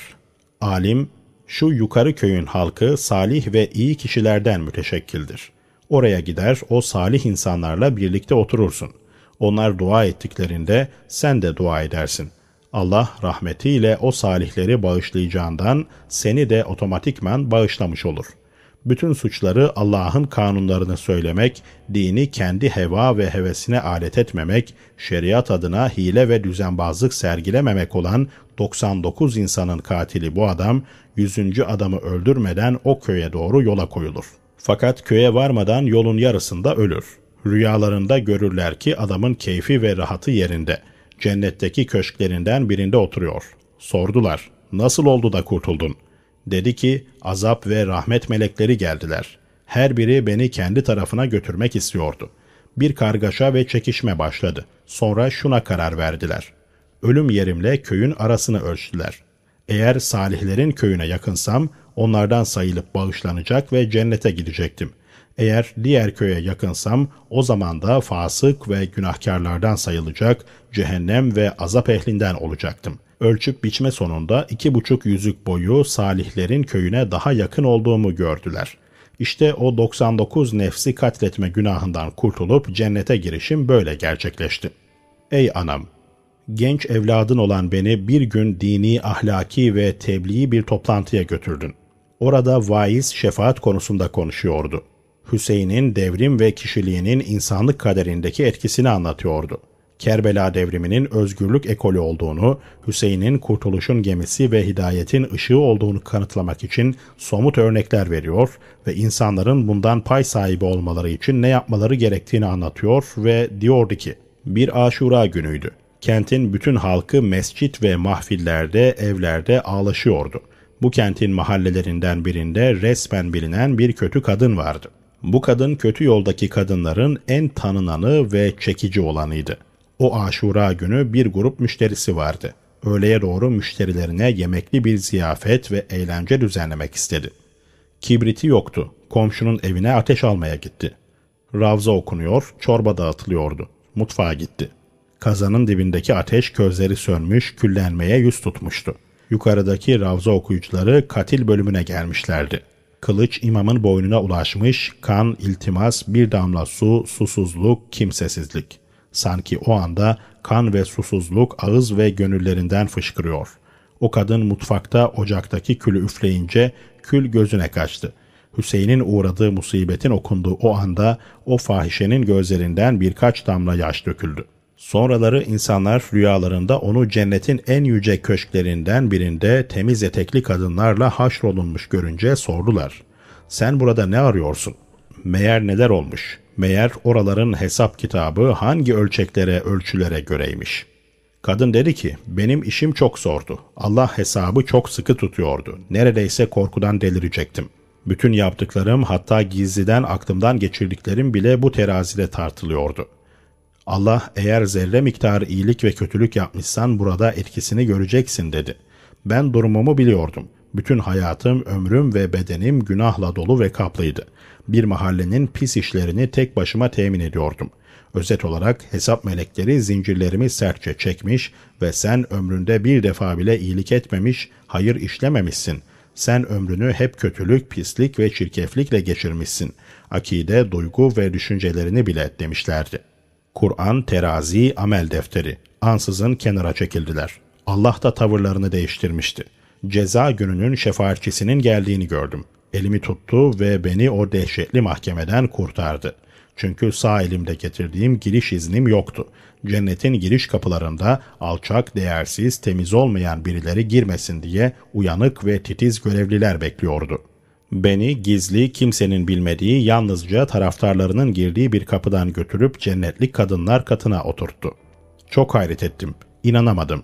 Bu mümkün değil. Nasıl oluyor? Giyiniş, konuşma ve davranışlarından benim gibi olduklarını anladığım birçok kadın vardı ki bunlar aslında cennetteki cehennemliklerdi ev yağmacısı, faizci, katil, yabancı uşağı olanlar, sömürünün, sömürgeciliğin maşaları, zorba ve zalimler, cepçiler, fitneciler, dolandırıcılar, halk düşmanları, iftiracılar, riyakarlardan ve fahişelerden oluşan kadınlı erkekli bir grup şehitlerle beraber. Özgürlük, hak, adalet ve halk yolunun fedakarlarıyla hak için canından geçen hakperestlerle İslam'ı ve Kerbela'yı algılamış ve izlemiş insanlarla. Evet, bunlarla iç içe. Evet, bu yoldaşlarımdan sordum. Bizi bunların arasına sorgusuz sualsiz getirmelerinin nedeni nedir? Bana açıkladılar. Bizi buraya getiren Allah'ın adaleti değil, Hüseyin'in şefaatidir. Biri ben dua okudum, diğeri ben ziyarete gittim, bir diğeri Kerbela'daki türbesine yüz sürdüm, bir diğeri ben zengindim filan imamın türbesine altın parmaklık yaptırdım, bir diğeri ben imamın harem bölgesinin toprağından satın alarak kendime mezar yaptırdım. Günü geldi açtılar, başı dik biçimde beni göğe yükselttiler. Nurlu bir kapıdan geçirtip şu anda gördüğünüz yere beni getirdiler. Ve böyle sürüp gitti. Düşündüm. Ben imamın şefaati için hiçbir şey yapmamıştım. Aslında bütün hayatım bütün bu şefaat söylemlerine karşı çıkarak geçmişti. Aynı işimi yapan kadınlardan bazıları aşura gününde tatil yapar, ravza dinlemeye gider, ağlar, adaklar adar, yalvarır, yakarırlardı. Oysa ben aşura günü de pis işlerimi yapardım. Sonraları şefaat tekniği uzmanı olan birinin açıklama ve araştırmaları sonucu anlaşıldı ki o fahişeyi kurtaran neden aşura günü ateş almak üzere gittiği evde Ravza'nın Ebu Abdullah'ın katli bölümü kulağına iliştiği anda gözlerinden de yaş akıyor olmasıdır. İşte tesadüf eseri akan birkaç damla gözyaşı hem onun hayatındaki bütün pislikleri, alçaklık ve ihanetleri temizlemiş hem de peygamberlerin peygamberliğinin, imamların imamlığının, velilerin velayetinin, alimlerin mücahitliğinin, şehitlerin şehadetinin, özet olarak Allah'ın dünya ve insan yaratılışındaki tüm hikmet, sünnet, nizam ve yasalarının, tüm bilgelerin, ahlaki öğretilerin, terbiyevi ekollerin, hukukun, toplumun, insan biliminin yani sağduyunun fonksiyon ve misyonunu ortadan kaldırmış. Anneciğim, işte senin dininden kaçışım o an oldu. Beni meclise götürüp vaizin şefaat konusunu öğrettiği, o kötü kadının kaderini ve macerasını anlattığı o gece irkildim, titredim. İçimdeki her şeyin o anda yıkılıp döküldüğünü ve onların hepsinden kurtulduğumu hissettim. Orada senin dininden, senin vaizinden kaçtım.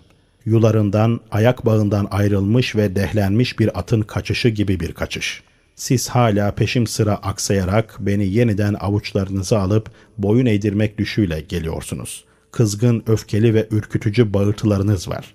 Adımlarım gevşeyip bana yaklaştığınızda hemen kementle beni tutmak ve yeniden eğerin yular ve ayak bağıyla bağlı bir hamal yapmak istiyorsunuz. İşte nefretim, ürküntüm ve daha hızlı kaçışım da bundandır. Anneciğim, bir başka durum daha var. Giyimden kuşama, oturuştan yemek yiyiş biçimine kadar liyakatli, liyakatsiz, değerli, değersiz müdahale, baskı ve tazikler var. Sen binlerce lezzet, rahat ve zevkini, iş ve yaşamını dine feda ederek erkeklerin gözünden ırak, kadınlara özgü dini meclislere gidersen kötüsünü yapmış olursun işin. Hak etmediğin sözleri duyarsın dini meclislerde bilinçsiz, okuma bile bilmeyen, kulak vermeye değmez kişiler salt erkek olmanın erdeminden ötürü dilediği yerde oturma, dilediğini yapma, arzuladığı biçimde konuşma hakkına sahip, aynı zamanda salt erkek olma özelliğinden dolayı bilmediği, algılamadığı her konuda alıp verme, yol çizme, suçlama, meclisi birbirine katma, dilediği insana çamur atma yetkisine sahiptir.'' Oysa sen sanki elindeymiş gibi salt bağışlanmaz dişi olmak cürmünden ötürü konuşma, ses etme hakkına sahip değilsin. Eğer dini ve bilimsel etütlerimde ya da resmi öğrenimde üst düzeye ulaşmış, hatta bütün hayatımı, rahat ve lezzetlerimi imana, insani erdemlere, sosyal ve toplumsal hizmetlere feda etmiş olsam, hicaplı olsam bile bu ayırıcı özelliğe sahip onlarca dini bir salonun ardiyesine atılır ve tahkir edilir, sıkıştırılırım. Önüme siyah perdeler çekilir. Bizi peşinen bu siyah perdelerin ardında kalmaya mahkum etmişlerdir.'' Eğer modern sınıfa mensup gafleten ya da tesadüfen iki tel saçı dışarı çıksa, salt o kadın değil belki bu meclisteki bütün hanımlar kötü bir biçimde suçlanıverirler. Daha da ileri gidilip bu meclisten çıkarılabilir. Bu mecliste dini konferans veren kişi veya kurumda salt meclisteki bu cürümden yani iki tel saçın dışarıya çıkmasına bilip bilmeden seyirci kalma durumundan ötürü mahkum ve kovulmuş telakki edilebilir kolayca.'' Görüyorum ki sizin bu dininiz bir taraftan bütün baskıcılığıyla geçmişi olmayan katı ve tutucu bir dindir. Bir kişi veya topluluğun en ufak sürçmesi nedeniyle bir yaşam boyu edinilen erdemlerini, sahip olduğu onurlu kişiliğini bir çırpıda yok sayar, fasit ve batıl kabul eder. Diğer taraftan açık sofralı, açık elli bir cömert kesili verir. Günahların denizin kumu, yolun taşları, göğün yıldızları kadar çok olsa bile bir virt çekmek, bir kez kıbleye yönelmek ya da hu çekmekle bağışlanır. Belki sana bunlar birkaç şehit sevabı bile kazandırır. Hele bir de herhangi bir vesileyle bir de şefaatçi elde etmişsen iş tamam. Artık korkmana gerek yok. Anne baba, senin inandığın velayet nedir? Diyorsun ki Ali ve ailesini sevmekten ibarettir. Peki Ali kimdir diye sordum. Bana onu değil onun keramet ve mucizelerini anlattın. Bizim dışımızda yapamayacağımız uzmanlıklar. Yiğitlikler, savaşlar, çatal uçlu zülfikar. Şu anda beni, bizi ve Şia'yı savunacak şey Zülfikar değil ki. Diyorsun ki Hayber'de mucize oldu. İyi de şu anda Hayber'in değil Filistin toprağının işgalcisidir Yahudi. Ve senin de bu Yahudi ile bir alıp veremediğin yok. Diyorsun ki dindarlık, açlık çekmek, yamalı yırtık elbise giymek, yaptığı işleri bilinçli bilinçsiz tekrarlamaktan ibarettir. Yine halkı bu yapılanış ve alışkanlığıyla yoksulluk ve güçsüzlüğe özendirmekten ibarettir. Anne baba, ben bu nesnel ve insanların toprağından olan, benim gibi insan olan birinin önderliğini isterim. İnsanüstü, lahuti biri insanın işine gelmez. Kapalı kapıdan girip düşmanlarını bir bakışla hamam böceğine çeviren, bir gecede yedi yerde birden misafir olan birine uyamam. Hindistan'da da 60 gün tek bademle yaşayan bazıları var. Bir de ben ve benim gibi olanlara küfrediyorsun. Ey dinsiz, ey mezhepsiz, ey köpeklerle hemhal olup dini elden giden. Bu ikna etmek değildir anne ve babam. Ali'nin ekolü, Ali'nin dünya görüşü nedir? Ali'nin izlediği yol, Ali'nin uyanık düşünce ve engin ruhu. Benim bildiğim Şia, bilgi, takva ve fedakarlıkla dünyayı Ali'nin ekol ve çizgisine hazırlamalı. Yoksa sizin yaptığınız gibi insanları usandırmamalı. Evladın olan bana tanıttığın, benden kendisine uymamı istediğin Fatıma ile Zeynep. Sen bana diyorsun ki Fatıma'nın tüm yaşamı boyunca işi ağlamak, nefret etmek olup hedefi de babasından kalan Fedek arazisini elde etmekti ki bunu da elde edememiştir.'' Fatıma hakkında bana söylediğin, anlattığın başka bir şey var mı? Varsa söyle. Eğer başka yerlerde başka şeyler yazılmışsa göster de okuyup öğreneyim. Bana tanıttığın Zeynep ise aşura sabahı çadırdan çıkıp şehitlere doğru giden, inleyip ağlayarak çadırına dönen biri. O günü öğleye kadarıyla biliyor. Öğleden sonra yitiriyoruz. Bana bu konuda söylediğin başka bir şey var mı? Aşuradan sonra Zeynep'in ne yaptığını söyledin mi? Zeynep'i sen de tanımıyorsun. Ben de elimizdeki kitaplarda. Diyorsun ki bazı uzmanlara ve alimlere özgü kitaplarda var. İyi de sen ve benle bu kitapların ilişkisi ve alakası ne? Hayatı unutmuş, uyuşturucu dinin, dünyayı harap edip ahireti abad eden dinin. Evet, bu dinin cennetteki köşkler için bizi bu dünyada evsiz barksız bırakmakta. Senin büyük adamlarından çok bilgili ve çok molla olan biri diyordu ki, bu dua kitabını okuyan herkese Allah cennette yakutlarla, süslerle bezeli 70 köşk versin diye yazılmış. Ben de derim ki, bütün hayatım boyunca dua okur, namaz kılarım.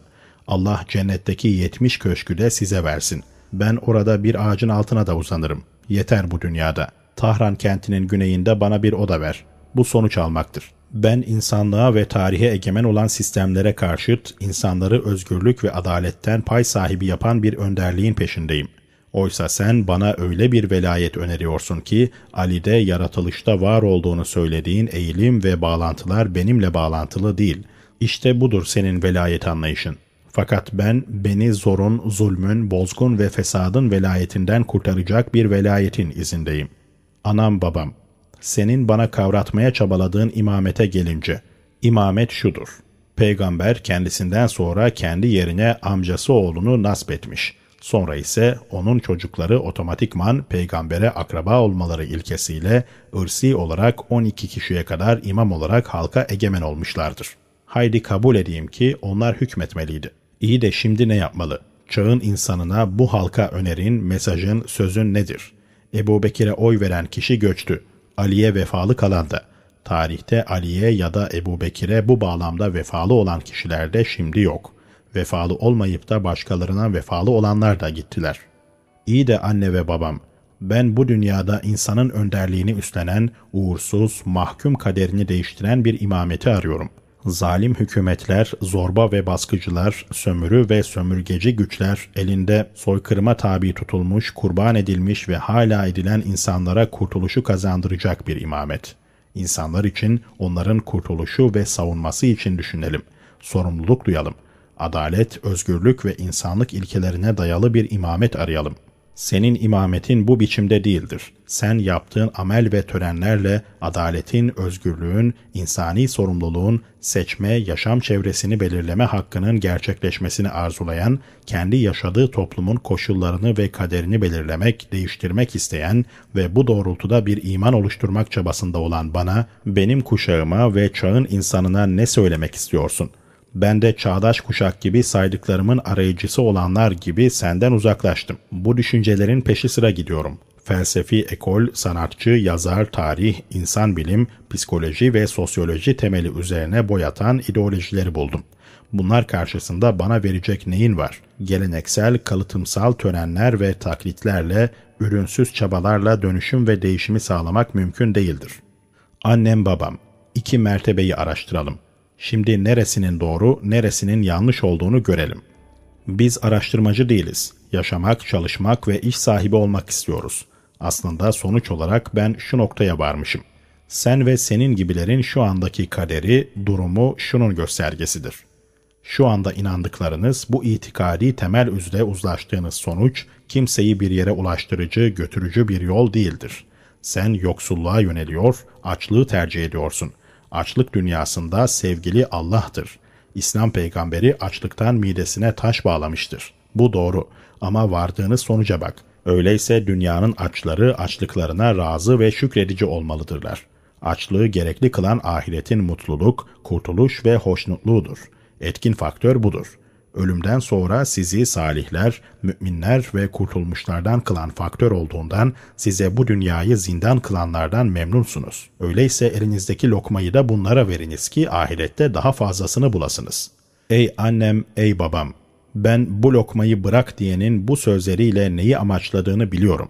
Sen idrak edemiyor ve hayatının dar çerçevesinden bir türlü çıkamıyorsun bu zühtperestliğin, bu uyuşturucu dinin sana bırak dediği lokmayı kimin kaptığını da görüyorum.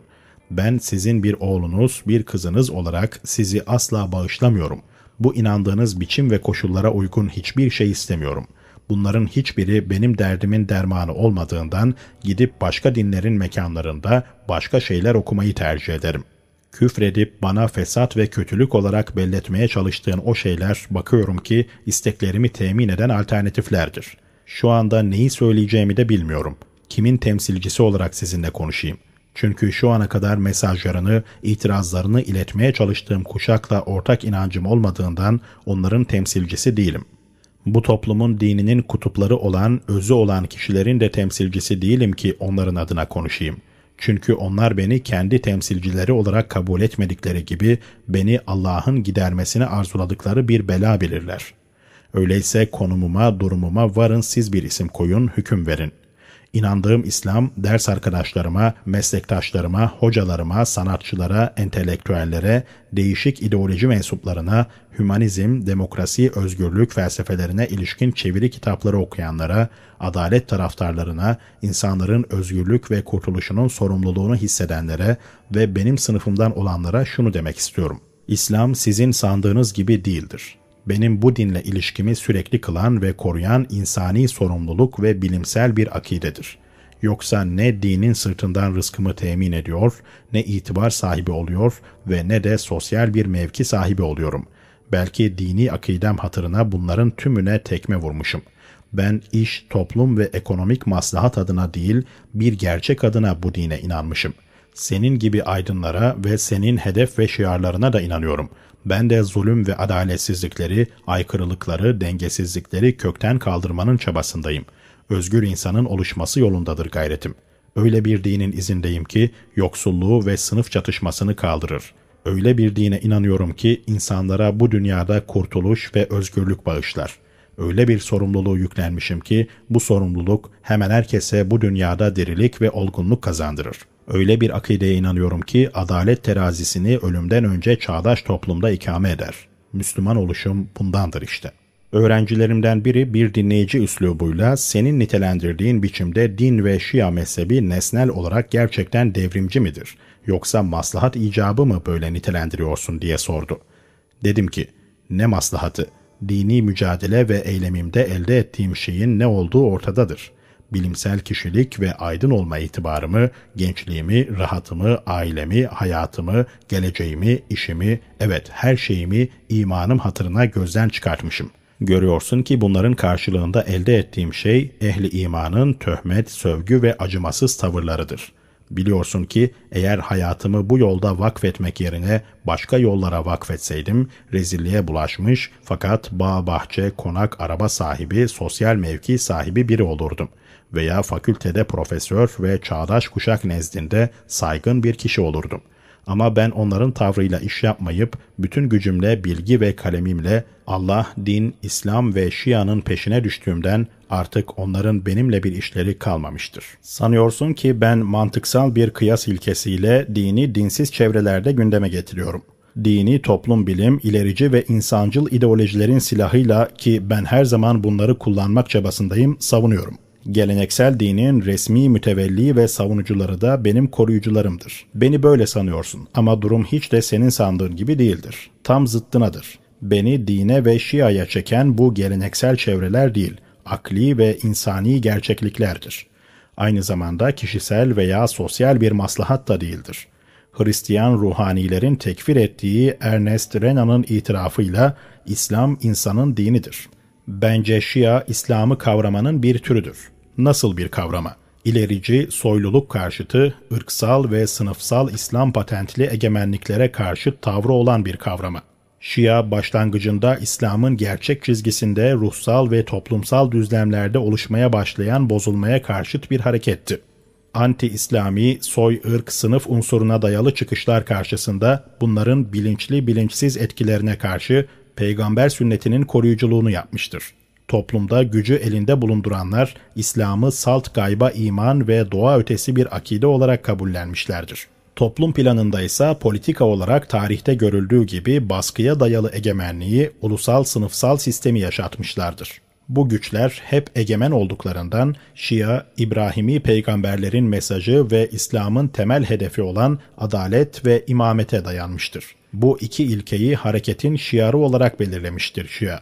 Buradaki kastım kesin kes, katılımcı, geleneksel, tutucu ve fanatik eğilimleri olan Şia mezhebi değildir ben senin gibi sorumlu topluma karşı yükümlülükleri olan bir aydın olarak senin de sahip olduğun anti gerici, anti sınıfsal, ilerici, insani arzu ve duyarlılıkların sahibi olarak yaptığım bilimsel ve tarihi araştırmalarım İslam'ı tanıma, İslam tarihini öğrenme, geçmiş dinlerle modern ideolojileri bilme sonucunda şu nesnel bilimsel sonuca ulaşmışım.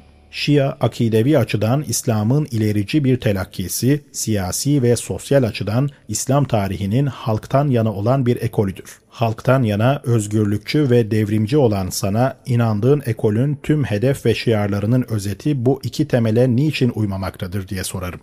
İnandığın din her neyse bu iki temel ilkeyi eyleminin elbisesi yapmak isteğinde midir? Nedir bu iki ilke? Birincisi sınıfsal çelişkili, sömürücü, zalim, toplumu parçalayıcı bir sistemi değiştirip yerine eşitlik ve adalete dayalı bir sistemi ikame etmek. Yani adalet.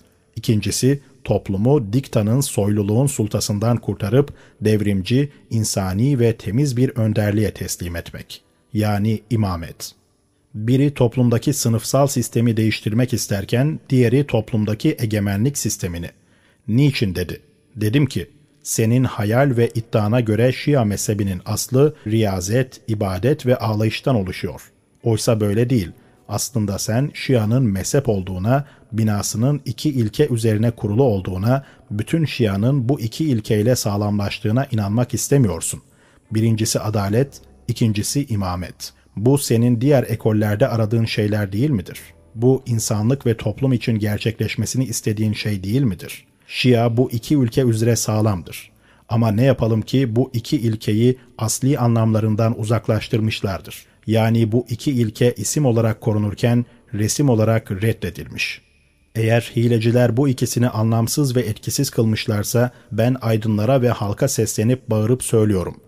Hayır, Şia'nın ilkeleri bunlar değildir. Adalet ve imamettir.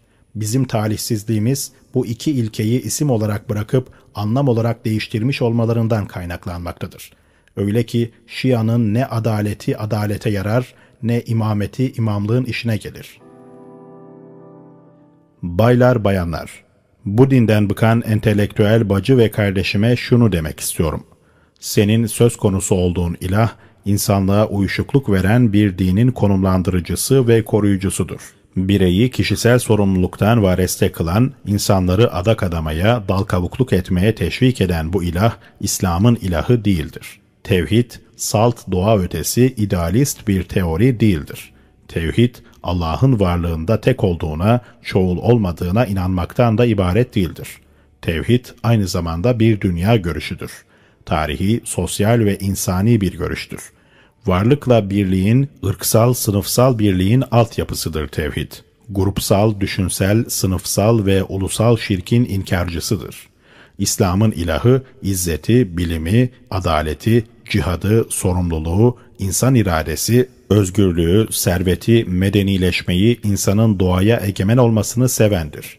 İnsan bu ilahın emanetçisi, yeryüzündeki halifesi, ruhunun taşıyıcısı ve meleklerin secde ettiği bir yaratığıdır. İnsan onun dostudur. İslam'da Allah adildir. Bu evrenin adalet temeli üzere olduğu anlamındadır. Çünkü Allah bu evrenin yaratıcısıdır. Varlık onun tecellisi ve varlık düzeni onun iradesinin tecellisidir. Toplum yaratılışın yasa ve düzenine dayalı olduğundan dürüst ve doğal toplum zorunlu olarak adalet temeli üzeredir. İnsanın hayatı da Allah'ın iradesinin tecellisi doğrultusunda olmalıdır ki adil olabilsin. Çünkü ilahi irade adildir. Öyleyse Allah adildir sözü şu anlamdadır. Adalet bir dünya görüşüdür. Eğer toplum adalet temeline dayanmıyorsa anti-İslamidir. Doğallıktan uzaktır. Bozuk ve yok olmaya mahkumdur ve evrenin sistemine zıttır. Bu adaletin anlamıdır. Adalet, fizik ötesi, felsefi, yaşam ve evrenle ilişkisiz toplumsal adalete yabancı değildir. Belki bunun karşıtı olarak adalet ilahi bir sıfattır. Yani adil sistem, salt tevhidi dini bir sistemdir. Yani adalet, varlık, doğa, toplum ve insanlar arası ilişkinin altyapısıdır. Şia'nın adaleti temel ilke olarak alması şu anlamdadır. Adalet bugün anlaşıldığı gibi salt fizik ötesi, felsefi bir konu ya da bilgin ve filozofların başını ağrıtan bir akide değildir. Adalet zulümle mücadelenin şiarıdır. Demek istiyorum ki biz bir Müslüman olarak İslam tarihinin zorbalığa dayalı peygamber sünneti iddiasındaki hilafete karşıyız. Bu şu anlama gelmektedir. Toplumsal hayatta önderlik masum insana yani temiz etekli insana özgü olmalıdır. İnsanlığın önderliği bu hareket bu yön üzere olmalıdır. Benim inandığım din insanları yoksulluğa yöneltici değildir. Belki bu din yoksulluğu küfrün duvarına bitişik bir duvar sayar. Peygamber ve Ali'nin terbiyesini alan büyük insan Ebu Zer der ki, Yoksulluk bir kapıdan girdi mi, din öbür kapıdan çıkar. Ali, oğlu Muhammed Hanefi'yi şiddetle uyarır. Çocuğum, yoksulluktan Allah'a sığın. Çünkü yoksulluk, dini eksilten, aklı sarsan, nefret ve kini körükleyen bir faktördür. Öyleyse yoksulluk ve mutsuzlukta kemale eren bir din bizim dinimiz değildir. Belki o Hristiyanvari ve Hintvari bir sufilik ve riyazetle çile çekmedir. İslam, izzet, servet, güç ve cihatta hayat bulur. Senin yoksulluğu kendisine erdem gördüğün Ali, benim inandığım Ali değildir. Benim inandığım Ali, çok yüce meziyetlere sahip olmasına karşın insandır.'' gücün, düşüncenin, sözün ve yazının, savaş ve kahramanlığın, aşk ve vefanın, tenzih ve sakınmanın, incelik, duygu ve ruh güzelliğinin, hak yolunda sertliğin, insani adaletin kesiştiği, birleştiği bir insandır. Bireylerin hukukunu teslim anında hakimdir. İslam toplumunun büyük şahsiyetlerinden Hanifoğlu Osman'a 3 dirhem verirken kölesine de 3 dirhem verendir. Bu benim inandığım Ali'nin ekonomik sistemidir doğru, adil bir ekonomik ortaklık. Mihraptaki duasında ruhunu terbiye eden, savaş alanında düşmanını ezen, İslam toplumunda Müslüman da olsalar, zalimle işçisini satan patronla, sömürücülerle İslam için mücadele edendir. Ali'nin dilinde hak, güç demek değildir. Hak, Ali'nin hükümeti veya Ali'nin hakkı anlamında da değildir. Kendi hakkından rahatlıkla vazgeçtiğini görüyoruz. Belki Ali'ye göre hak, halkın hakkı ve zorbalığın ölümü anlamındadır. Ali şöyle buyurur. Benim düzenimde hiç kimse karıncanın kazandığını ağzından alamaz. Benim düzenimde her insan diğerine eşittir. Eğer Müslümansa imanında, eğer Müslüman değilse insanlığında. Her insan Malik katında kardeştir. Peygamber, yoksulluk neredeyse az kalsın küfür olacaktı diye buyurur. Malik Eşter devrinin en değerlilerinden ve Hazreti Ali'nin en iyi dostlarından biriydi. Hazreti Ali'nin Mısır'a vali olarak tayin ettiğinde kendisine verdiği emirnamedeki emirlerden biri, insanlar ya dinde kardeşin ya da hilkatte eşindir şeklindeydi. Demek istiyorum ki benim inandığım İslam ölümden sonraki bireysel kurtuluş için riyazet, cefa ve yoksulluğu öneren bir din değildir. Benim İslam'ım Osman ve Abdurrahman'ın İslam'ı değil, Ebu Zer'in İslam'ıdır. Ebu Zer'in şiarı servet yığmaya, halkın yoksullaştırılmasına ya da sömürülmesine elverişli bir ortamın hazırlanmasına karşı çıkmaktır. Yani Ebu Zer'in şiarı. Ey iman edenler! Yahudi hahamlardan ve Hristiyan rahiplerinden çoğu insanların malını haksızlıkla yer ve insanları Allah'ın yolundan alıkoyarlar. Altın ve gümüşü biriktirip Allah yolunda infak etmeyenleri elin bir azapla müjdele. Tevbe suresi 34. ayetindeki durumun İslam toplumunda oluşmasına karşı çıkmaktı. Osman ve Kabul Ahbar Ebu Zer'e Kur'an'ı tefsir ederek Evet ama bu ayetteki ruhaniler, mülk sahipleri ve servet yığıcıları diğer dinlere mensup olanlardır dediler. Ebu Zer ayetin neresinden diğer dinlere mensup olduğu anlaşılıyor. Her ne kadar ayetin başlangıcı diğer dinlerin ruhban ve ahbarlarına yönelikse de ayetin son kısmı geneldir ve herkesi kapsar. İster Müslim, ister kafir, ister muvahhid, ister müşrik olsun, malı, altını, serveti yağan herkesi dedi.'' Osmanlı çatışması bu noktadaydı. Ebu Zer gerçek bir İslam bilimcisidir. Yoksulluğun, açlığın, dengesizliğin ve toplumsal çelişkinin oluşmaması için Kur'an yasasına uygun bir cihat şiarıyla sana, bana ve bütün aydınlara İslam'ın bu tür çelişki, dengesizlik, servet yığma ve yoksulluk dini olmadığını göstermek için canını verdi. Eşitliğin simgesi Hac Bu kuşağa demek istiyorum ki, aydın kardeş ve bacım, Doğrusu senin de alaya alıp dile doladığın hac, gerçekten İbrahim'in haccını yapan hacı mıdır? Her yıl her insan kuşağının İbrahim'le ahitleşmesi midir? Ne ahdi, ne yapacak? Bu insanların her yıl her kuşak yapmak için söz verdikleri ve İbrahim'in başlattığı hareket ne hareketidir? İlk basamağında tevhidin gerçekleşmesi ve şirkin yok edilmesi hareketidir. Demek istiyorum ki, şu anda şirk yoksa, puttan İbrahim kırılmışsa, niçin hala daha güçlü ve daha çok put var insanoğlunun hayatında? İbrahim salt tarihe ait bir kişilik değildir. Ondan sonraki peygamberler ve en son benim peygamberim de onun yolunun sürdürücüsüdür. Öyleyse İbrahim'in yolu yolcuların hala izlemesi gereken bir yoldur. Onun hareketi hayatın hareketidir. İbrahim'in kendisiyle mücadele ettiği şirk bugün onun çağından daha güçlü bir biçimde dünyaya egemendir hem daha da katı, daha da kötü, daha da sinsice. En önemlisi daha da gizlice. Hac büyük bir insani gösteridir. Her yıl her kuşaktan insanlar sosyal hayat ve sistemlerinden soyunarak bağ ve bağlarını koparır. Irksal, ulusal, ailevi ve sınıfsal tüm renk, alamet ve elbiselerden sıyrılır. Hayatın insana yüklediği tüm sınır ve kayıtları kesip atar.'' Özgür, renksiz ve eşit bir ortamda kefen giyer ve o görkemli sahneye çıkar. Çünkü o sahnede her birey tarihin muhacir ve mücahidi olan İbrahim'in hareket ve heyecan dolu destanını tekrarlamaktadır. Bu onda herkesin o ilk gösterinin tekrarlayıcısı olduğu bir sahnedir. Bu devrimci ve görkemli törende birey tüm hareket, tavır ve davranışlarıyla İbrahim, Hacer ve İsmail'in büyük anısını tazeleyip somutlaştırmaktadır. Hac, insanların eşitliği, ulus ve sınıfların birliğidir. Tavaf, aşk ve tevhiddir. Say, eylem ve cihat, öğrenme ve bilince bir dönüş, ideal ve aşk hedefine yönelme hicretidir. Kan bayramı, kendi İsmail'ini kurban eden her bireyin her İbrahimi bireyin tarihin üç boyutlu şeytanına karşı bir zafer bayramıdır. Haccın odak noktası insanların kıblesidir. Tavafın odak noktası, ferdi hayattaki amellerin merkezi ve Hacer'in istirahatgahıdır. Hacer, haccın menasik ve farzları adına her yıl milyonlarca Müslümanın taklitle tazeledikleri bu amelde İbrahim'e yoldaşlık eden, İbrahim'e uyarak yaşamış olan bir cariye. Her şey yok olucudur. Ancak Allah'ın rızasına uygun olan şeyler başka.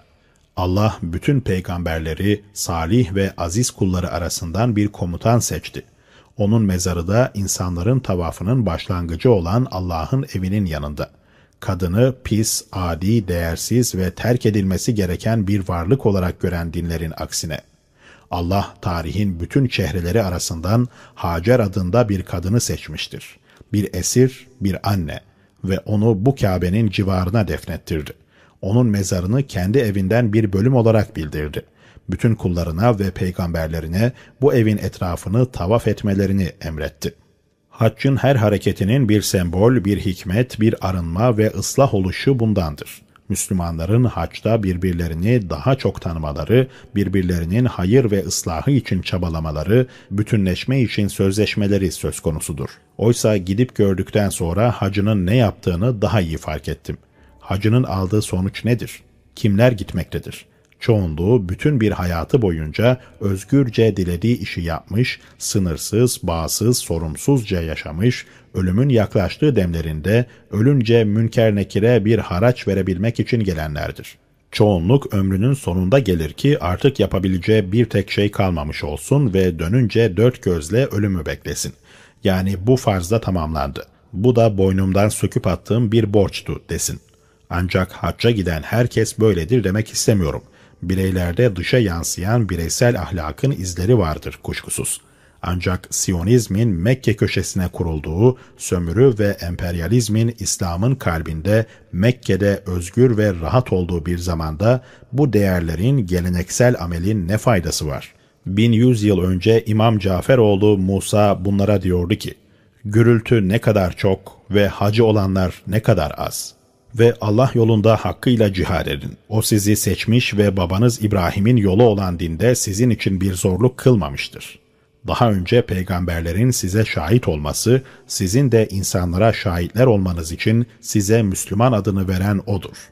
Haç Suresi 78. Ayet Annen, baban ve mümin kuşağın hacca gidip döndüklerinde bir sonuç almak istersin.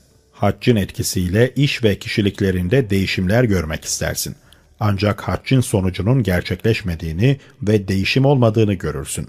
Aksine aldığı hacılık payesiyle hemen sömürü, ihanet ve kirli işleri daha kayıtsız ve sınırsızca yapmaya başladığını görürsün. Bir de bakıyorsun ki onun elde ettiği ve senin de hayatında izlediğin bavulunu açtığında aileye ve dostlara bir sürü hediye getirmek biçiminde bir sonuçtur.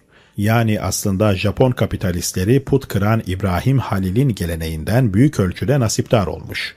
Kur'an okunan kitaptır. Demek istiyorum ki evet sen Kur'an diyorsun ama hangi Kur'an? Cehaletin elinde teberrük edilip kutsanan bir nesne olan Kur'an mı? Cinayetin mızraklarının ucundaki Kur'an mı? Yoksa çeyrek yüzyıldan daha az bir sürede çölün dağınık ve düşman kabilelerini birleştirerek dünyanın egemen güçlerini çökerten, insanlığın kaderini ele geçiren, devrimci yapısıyla insanlık tarihinde yepyeni bir medeniyet ve kültür meydana getiren bir kitap olarak mı Kur'an? Kur'an Allah'ın adıyla başlayıp Nas'ın yani halkın adıyla sona eren bir kitap. Asumani bir kitaptır. Ama bugünkü müminlerin inandığının, imansızların kıyas edişinin aksine daha çok doğaya, yere yönelik bir kitaptır daha çok hayata, bilgiye, izzet, güç, ilerleme, kemal ve cihada yönelik. Yaklaşık 70 surenin adını insanı ilgilendiren konulardan alan bir kitap. Yaklaşık 30 suresinin adını maddi fenomenlerden alırken yalnızca 2 suresinin adını ibadetlerden alan bir kitap. Tebliğcisi ümmi olan bir kitap. Bizzat Kur'an'ın kendi deyimiyle ne kitabı ne de okuma yazmayı bilen bir peygamber.'' mürekkebe, kalem ve yazdıklarına and içti. Cihat ayetleri, ibadet ayetlerinden fazla olan bir kitap. İlk mesajı okumak olan ve Allah'ın öğretmekle iftihar ettiği bir kitap. İnsana kalemle öğretilmiştir. Okuma ve yazmanın yaygın olmadığı bedevi bir toplumda kalem, okuma, yazma. Bu kitap dostunun cehaleti ve düşmanın hilesiyle yaprakları açıldığı günden beri yaprakları masraflı olmaya başladı. Metni terk edilip cildi revaç bulduğundan beri adı okumak anlamına gelen bu kitap okunmaz oldu. Kutsama, teberrük ve mal kazanma işleri gördü. Toplumsal, ruhsal ve düşünsel mesele ve dertlerin cevabı bu kitapta aranmadığından beri onda soğuk algınlığı, romatizma türünden bedensel hastalıkların şifası aranır oldu. Uyanıkken terk edip yatarken başlarının üstüne asarak uyuduklarından beri görüyorsun ki ölülerin hizmetine sunulmakta, ölüp gitmişlerin ruhlarına ithaf edilmekte ve sesi yalnızca mezarlıklardan duyulmaktadır. Derler ki Bismillah'ın ba harfinde gizli olan hikmetleri tefsir etmeye bir ömür yetmez. Derler ki Kur'an'ın yetmiş özü vardır. Her özün yetmiş özü vardır. Her özün yetmiş özü daha vardır. Bu böyle sürer gider. Bu doğrudur. Yani Kur'an çok geniş kapsamlı bir anlam bütünlüğüne sahiptir. Ancak buna Kur'an'a yaklaşılmaz, Kur'an anlaşılmaz anlamını yüklemişlerdir. Yani Kur'an'ı açıp okuyup düşünerek ondan bir şeyler kavrayan mahkumdur. Kur'an'dan kavradıklarını açıklayan kimseler kuşkuyla karşılanır, onların söyledikleri hemen reddedilir. Derler ki Kur'an'ı kendi aklıyla tefsir eden herkes ateşteki yerini hazırlamış olur. Bu sözü güya peygamberin Kur'an'ı kendi görüşüne göre tefsir eden ateşteki yerini hazırlar hadisine dayandırıyorlar. Yani Kur'an'ı kendi görüşüne ve reyine göre tefsir etmek. Aslında peygamberin bu sözü gayet mantıklı ve bilimseldir. Dahası araştırmanın temelidir. Araştırmacı gerçeği araştırmada zihnini kişisel görüşlerinden, önceki inanışlarından, Avrupalı bilginlerin deyimiyle ön yargılarından arındırması gerekir. Ancak böyle yaparsa bir metni tefsir etmeye kalkıştığında gerçek anlamı yakalayabilir. Yoksa her kelime ve deyimi önceki deyimiyle uyumlu kılmaya ve kendi inanç karakterine göre tevil etmeye kalkışır. Oysa biz bu noktada reyin akıl diye uyanıkça anlamlandırdığını görüyoruz. Biz biliyoruz ki bir kitap akıl olmadan ne okunabilir, ne onunla amel edilebilir, ne de kavranabilir. Bazı insanlar saltanatlarının elden gitmesinden korktukları için akılla tefsiri haram kıldılar. Kur'an'ı okuyup onunla amel etmekten çekindiler. Hem de bu hadisin hilafına Kur'an'ı hep reyleriyle tevil ettiler, tefsir ettiler.'' Böylece bu kitabı peygamber etrafındaki birkaç kişiyi belirleyen ve onlarla donduran bir kitap biçimine dönüştürmeyi becerdiler. Oysa bu yaklaşım ve anlayış bile kinayelere, köşeden kıyıdan zorlamalara dayalı olduğundan doğru değildir. Bunların karşı çıktığı peygamber etrafındaki adamları savunanların bile Kur'an'a yönelişi bunlardan farklı değildir. Bütün bunlar şu anlamdadır. Düşman Kur'an'dan korkuyor. Ama nasıl? Düşmanın bu korkusu senin hayat, kurtuluş, uyanıklık, bilinç ve yaratıcılık konusunda bu kitaptan mutmain olmandan, onu kavramandandır. Aydın dostum, daha neler neler yaptılar. Okumanın, düşünmenin, aydınlanmanın, kavramanın, bilinçlenmenin, yol bulmanın, ayağa kalkmanın, amel etmenin kitabı olan Kur'an, izleyicilerinin yükümlülük ve insani sorumluluğu adına önerdiği tek çözüm istihare olan teberrük edilen bir kitap biçimine dönüştürüldü. İzleyicilerinin ona karşı görevi kupkuru bir yüceltme, takdis, tazim, teberrük ve öpmek. Abdestsiz el sürmemek, bir kılıfa geçirerek aynanın kenarına veya duvarın yüksek yerine asmak. Kundağın yanına, yeni evin kapısına, misafirin başucuna.'' Bazı sureleri, ayetleri de cadıca işlevler, özel törenler, tılsım ve büyüler, cin ve romatizma kovup gidermeler, büyük büyülerin düğümlerini atmalar için kullanılır oldu. Veya lohusa kadınla ineğin sütünü çoğaltmak için. Biri diyordu ki, dindar aydınlarından 70 kişinin de bulunduğu siyasi bir hapishanede Kur'an'da bir konuyu araştırmak istedim. Kur'an bulamadım ama bu 70 aydında farklı baskıları olan değişik 100 dua kitabını gördüm, saydım. Hangi Kur'an'dan söz ediyorsun aydın kardeşim? Toplumun çöküşü ve kültürel zafiyetten acı duyan, sorumluluk sahibi sen yazar, sanatçı, öğretmen, çevirmen, öğrenci. Hangi Kur'an? Acaba siz Kur'an'a karşı çıkan ve siz ona uyanlar, evet siz, bildiğiniz, tanıdığınız bir Kur'an hakkında mı yargıda bulunuyorsunuz? Tutuculuk faktörü uyan kişiye Kur'an'ı okumadan, tanımadan, kavramadan kabullenip iman etme hakkını veriyor.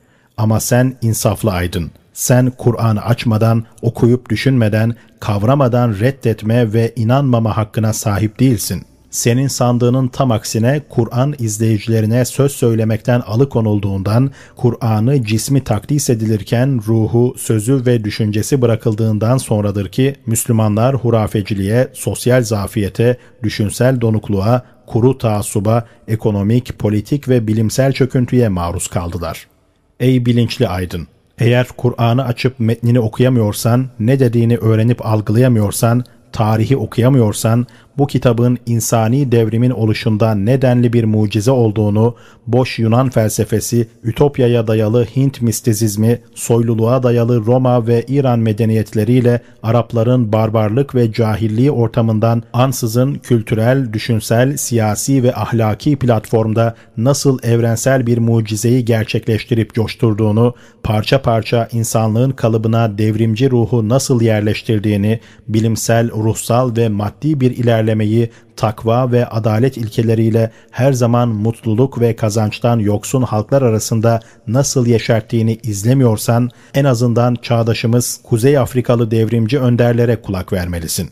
Kuzey Afrika'nın anti-sömürgeci özgürlükçü hareketi ve uyanıklığı tam tamına Seyyid Cemal'in izleyicisi ve şiarı tüm Müslümanların Kur'an'a dönüşünü temin etmek olan Muhammed Abduh'un Kuzey Afrika'ya geliş gününden başlar. Abduh bütün İslam alimlerini topladı ve onlara köhne felsefeler, kadim bilimler, fıkıh, kelam, hikmet, tasavvuf tartışmaları, fizik ötesi sorunların gündem oluşturması, ayrıntı hükümlerin tartışılması, zihinsel ifrat gibi illetlerin denizlerinde boğulmaktan vazgeçerek Kur'an'ın izine geliniz. Bütün kadim, modern, İslami, gayri İslami bilimlerden Kur'an'ın mesajını doğru dürüst kavrayabilmek için yardım alınız.''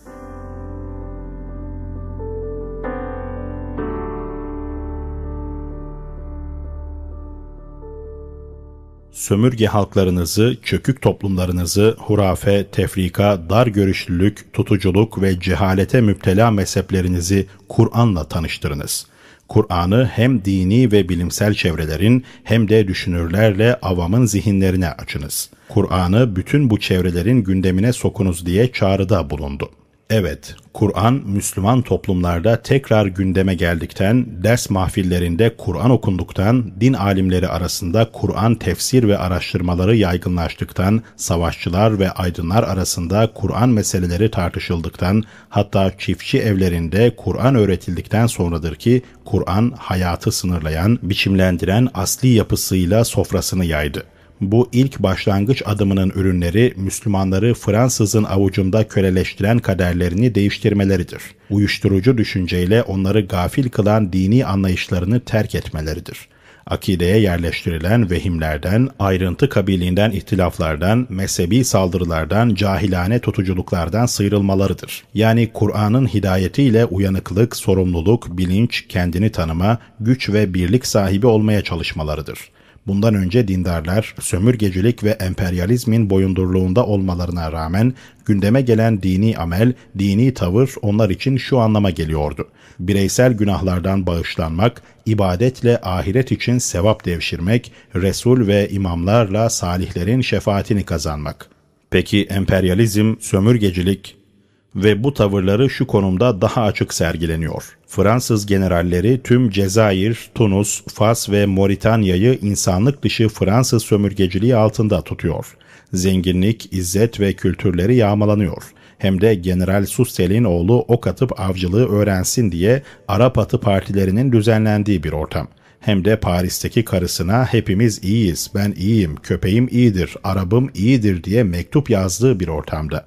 Müminler bu kara günlerde bu zillet konumunda utanılacak yükü omuzlarında taşıdıkları o günlerde zikir, dua, tevessül, adak, ziyafet türünden hayır, sevap kazandırıcı işlerle uğraşıyor. Bireysel olarak kendilerini cehennem ateşinden, ahiretteki azaptan kurtarma çabasını sergiliyorlar. Zillet, izzete tercih edilmiş.'' Fakat Kur'an kutsal rafından eğitim, öğretim ve düşünme sahikiyle inince onlara ahiretteki kurtuluşun bu dünyadaki kurtuluşa bağlı olduğunu, cennetin yolunun özgürlük, izzet, uyanıklık, bilgi ve bilinçten geçtiğini, bu dünyada zillet üzere olanın orada zillet üzere kalkacağını, burada kör olanın orada kör olacağını öğretti. İslam'da Allah'a yakınlaşmanın yolu akletmekten geçer. Taabbüt, bilgisiz ve bilinçsiz bir abidlik de değildir. Eşek, değirmen çarklarının dönüşünü, taşların yerinden fırlamamasını sağlayan bir araçtır. Müslümanlar bunları yeniden algılamaya başladılar. Bildiler ki zulme rıza gösteren zalimin ortağıdır. Müslümanın yaşamı akide ve cihatla sağlamdır. Peygamber ve izleyicilerinin sünneti bireysel riyazetler, kulluk, telkin ve uyuşturucu ibadetler değildir. Cihat ve şehadettir. Kur'an'ın getirdiği ruhbanlık değildir.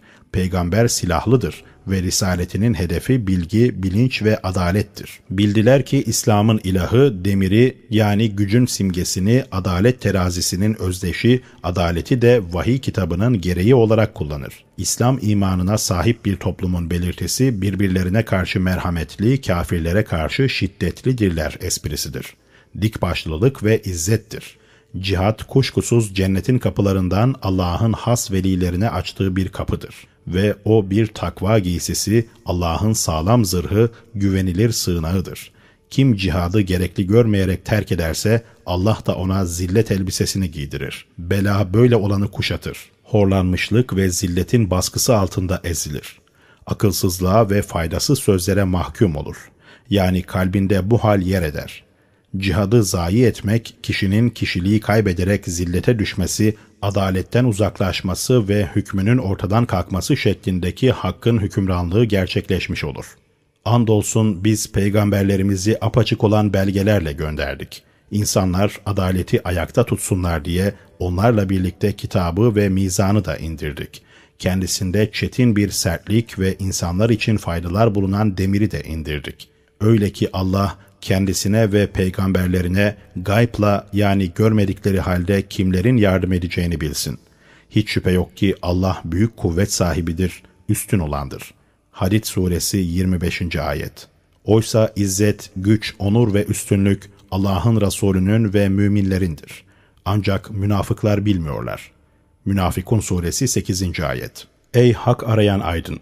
Eğer toplumun donukluk, çöküntü ve geri kalmışlığının acımsı çilesini duyuyorsan ve Kur'an'ı bu mevcut gördüğün müminlerin anlayışıyla telakki ediyorsan, anlayış ve telakkin böyleyse, öyleyse Kur'an'ı nerede ve nasıl tanımışsın? Senin tanıyıp gördüğün Kur'an, o salt takdis edilen bir nesnedir. Ki bugün cehalet, aldatma, istihare ve teberrük aracı olmuştur. Dün de zulüm ve zorbalığın mızraklarında aldatmanın aracı olmuştu.'' Ondan sonra da başka biçimlerde başkalarına kutsallık kazandırmıştı. Kur'an'ı avamın ona inandığı anlayışla tanımamak gerekir. Onu bir kitap olarak alıp okumalı, kavrayıp düşünmeli. Kur'an'ın tarihteki izleri araştırılmalı. Son 150 yıldır sömürgeciliğin Asya ve Afrika toplumlarındaki düşünsel, kültürel ve politik saldırılarına karşı koyuş yöntemlerini incelemeli.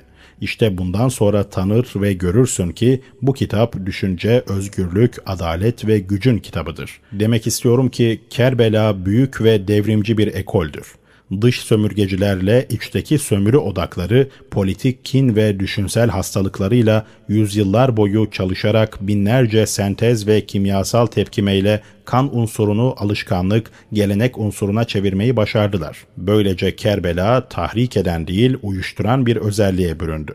Aklı başında bir aydın bu gerçeği inkar ederek avamda gördüğü yaklaşım ve anlayışla Kerbela hakkında bir yargıya varamaz.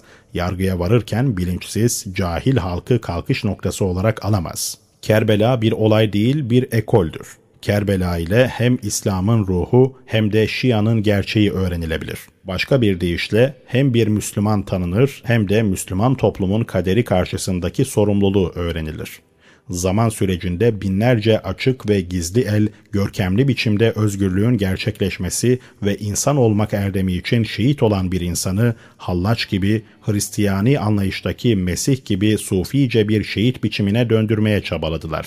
Derler ki o tanımlanamayan fizik ötesi aşk uğruna Allah'a özel bir söz vererek yaratılışından önce açıkça bir şehadeti seçmiş.'' Ta ki böylece onun zulümle mücadele, gasp ve cinayete karşı kıyam şiarı gündeme gelmesin.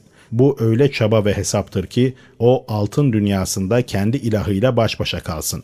zalime biatı, zulme başkaldırıyı, tevhidin güzel ve tatmin edici çatısı altında çirkin kıyafet giyen zorbayı ve İslam'ın gerçek çehre ve ruhunu göstermek. Hüseyin bunlardan vazgeçip susmuş olsaydı her şey değişir, İslam'ın reel yapısı tarihte hatta düşüncelerde mahvolurdu.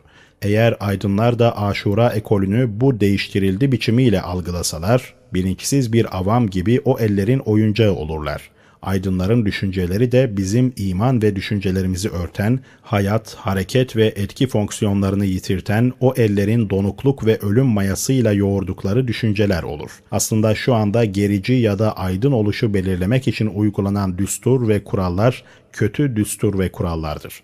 Çünkü şu anda hurafelerle dolu mevcut inanış biçimine sahip olanlar gerici, inanmayıp inkar edenler aydın diye nitelendirilir. Bu kural ve ölçütü şu şekilde uygulamak gereklidir kitle arasındaki mevcut nesedilmiş hurafelerle dolu ve donuk biçimdeki inanca inananlar gericidir.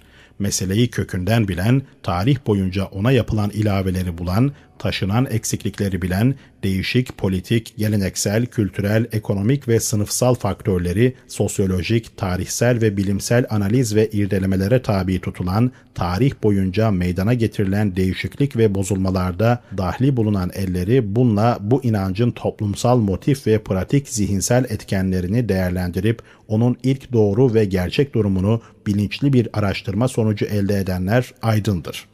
Bu dürüst araştırma sonucu elde ettiği bulgu ve tespitlerini aldatılmış, tutucu ve geri kalmış toplumlarına tebliğ edenler, çağlarındaki halkın zihninde yer etmiş, yanlış ve değiştirilmiş akidenin tasavvur ve algılanış zincirini kıranlar, akidenin gerçek ruhunu algılayanlar, halkın bilinçlenmesi ve gerçeğin diriltilmesi yolunda heyecanla uyandırma mücadelesini sabır, kahramanlık, korkusuzluk, pervasızlık, fedakarlık, iman ve ihlasla ki bunlar bir yere ulaşmak için gereklidir, kararlıca ortaya koyanlar. İşte bunlar sorumlu aydındır.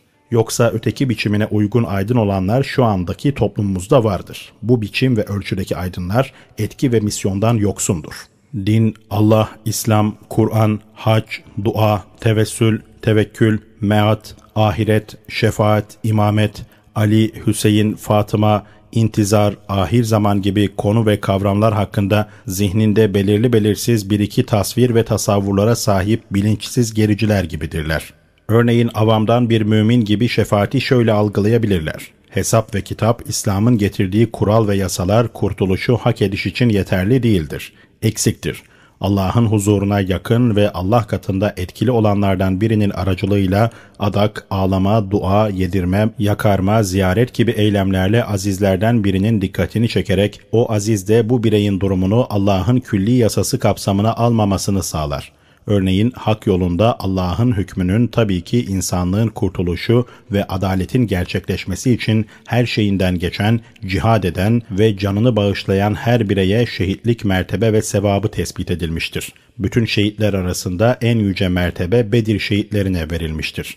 Bu büyük ödülü kazanmanın yolu can vermekten geçer. Bedir şehitlerinden olmanın yolu da Bedir'de savaşanlardan biri olmaktan geçer. Yani Bedir şehitlerine özgü sevap ancak böyle elde edilir. Ama anlatılan bir hikaye var zahmetsiz, çilesiz, savaşmaksızın ölüm tehlikesini tatmadan kahraman bir mücahidin ruhsal ve düşünsel hazırlık seviyesine çıkmaksızın şehitlik mükafatına ulaşılır ve o şehitlerin safında yer alınır. Kıyamette her savaşın şehitlerinin safları bellidir. Bu şehitlerin safında örneğin Ali, Hamza ve Hüseyin'in yanında hürün durduğunu veya nedenli yüce değerlere sahip olduğunu bildiğimiz, tanıyıp ne yaptığının bilincinde olduğumuz Cafer, Nadroğlu Enes, Habbab bin Yasir, Sümeyye gibi şehitlerin yanında tanımadığımız birkaç kişi gözünüze ilişir ki bu aydın şehrelerin safında böbürlenerek duruyorlar.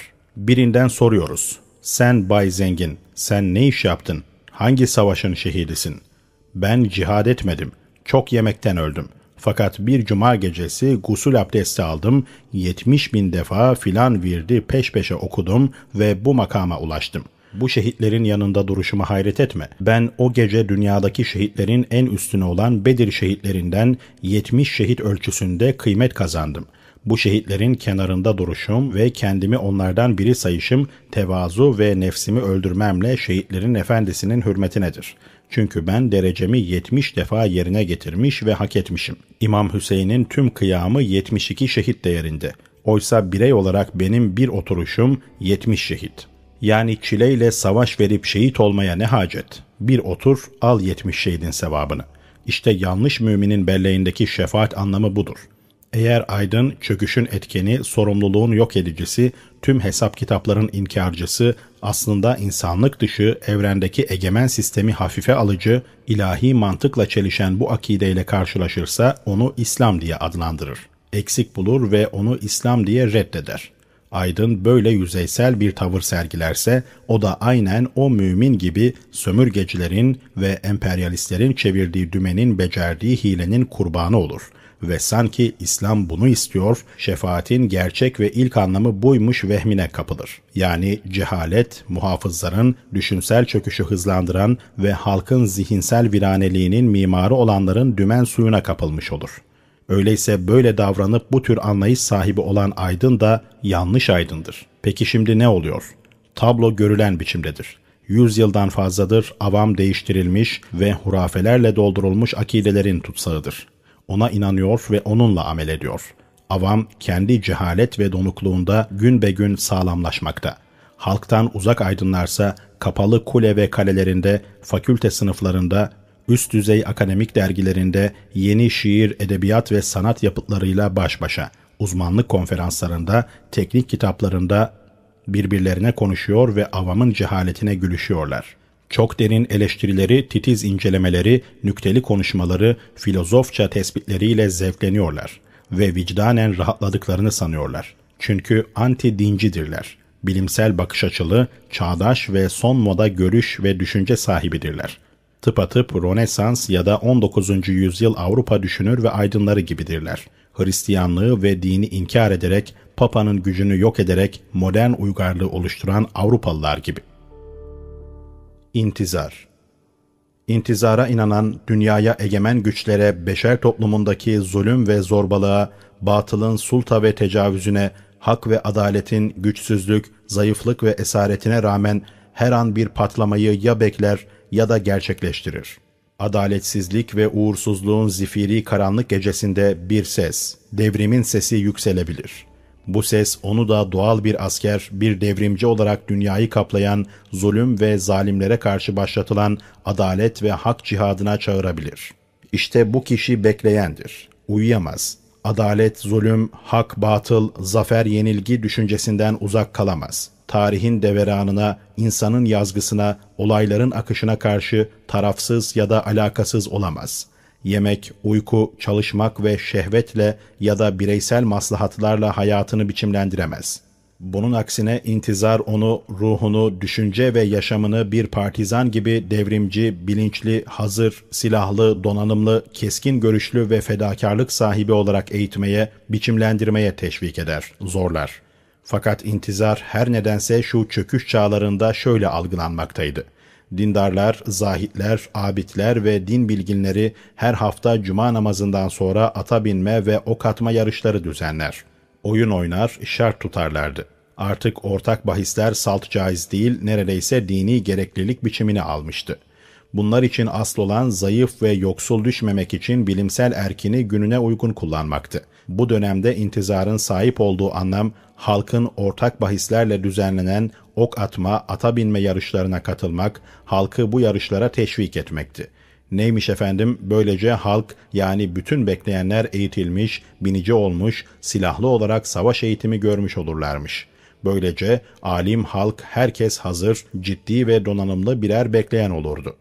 İntizara yani çıkış, kıyam ve devrimle yeryüzünde barışı, insan birliğini ve adalet idealini gerçekleştirmeye inanmak, bugün ona yüklenilen anlamın ondan kaynaklandığı ileri sürülen düşüncelerin aksine o zaaf ve güçsüzlük hastalığını, toplumsal ümitsizliği, toplumsal, politik ve tarihi karamsarlığı yok eden bir etkendir. İnançlı bir bekleyen, gözleyeni güçlü kılar. Kişinin zorbalık ve zulmün sürekliliğine inanmasını engeller.'' Adalet isteyen, hakkı arzulayan gruplara, güçsüzlüklerine, barış ve özgürlüğün yokluğuna rağmen sınıfların eşitliği ve insanların kardeşliğinin gerçekleştirilmesi ümidini kazandırır. Dünyadaki gidişat ve ilahi sünnetin zorbalar, zalimler ve yağmacıların yerine mazlumların, yağmalananların ve mustazafların geçeceği doğrultusunda olduğuna inanır. Eğer durumu bunun aksine algılarsa ya köşe kapmaya çalışır ya da acı acı düşünmeye başlar veya karamsarlığa düşer. Canını zulme teslim eder. Statükoya boyun eğerek zulüm elinin maşası olur. Bugün de olduğu gibi. Bu aksi biçimdeki beklenen, bekleme, gözleme, algı ve inanışını da ortadan kaldıracak olan yine intizar felsefesidir.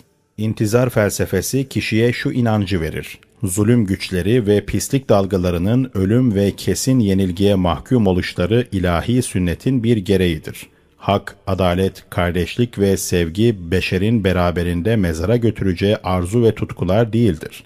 Belki bunlar yeryüzünde şu tarihi evrede gerçekleştirdiğini göreceği arzu ve tutkulardır. Kur'an'ın deyimiyle biz ise yeryüzünde mustazaflara lütufta bulunmak, onları önderler kılmak ve mirasçılar yapmak istiyoruz. Kasas suresi 5. ayet.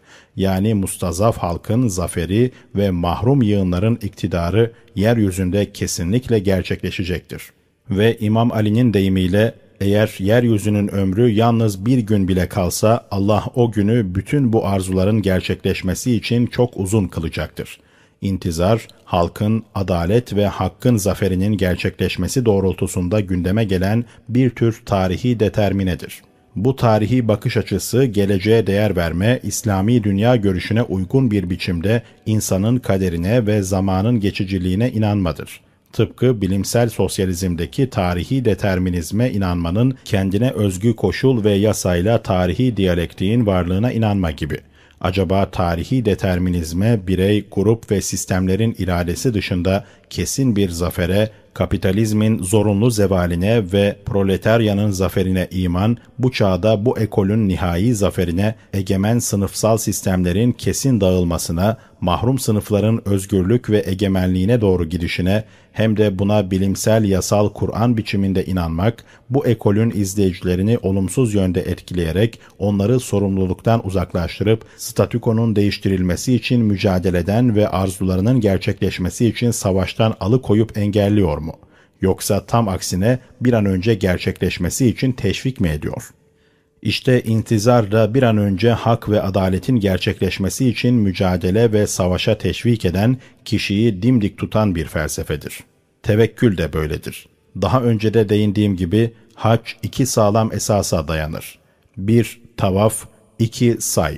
Bu iki amel İbrahim ve Hacer'in yaptıkları eylemin yeniden tekrarıdır. Allah'ın emriyle Hacer ve daha yeni süt emen çocuğu bu garip, ıssız, kurak, sessiz ve yakıcı toprak parçasına geldiler. İbrahim onları getirip çalı çırpının bile bulunmadığı bu vadiye bırakıp döndü.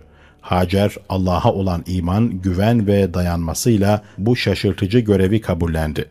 Çocuğuyla bu taşlık ve ürkütücü ortamda garip, yalnız ve bütün imkanlardan yoksun bir ana. Fakat bu ana sorumluluğunu hakkıyla biliyordu bu sorumluluğu yerine getirmek için oldukça elverişsiz, maddi açıdan hayat için gerekli olan imkanlardan yoksun bu ortama rağmen en ufak bir tereddüt göstermedi ve orada kalmayı göze aldı. Mutlak tevekkül. Buna karşın görüyoruz ki o çocuğunu bir kuru ve sert derede Allah'ın iradesine güvenerek, ümidini Allah'a bağlayarak yani Allah'a tevekkül ederek sığınaksız ve yalnız bırakır bir su kaynağı bulabilmek ümidiyle bu dağın başıyla eteği arasında koşuşturup durur. Su bularak kendini ve çocuğunu susuzluktan kurtarmak ümidiyle. Mutlak çaba. Haccın temeli bu iki ilkedir.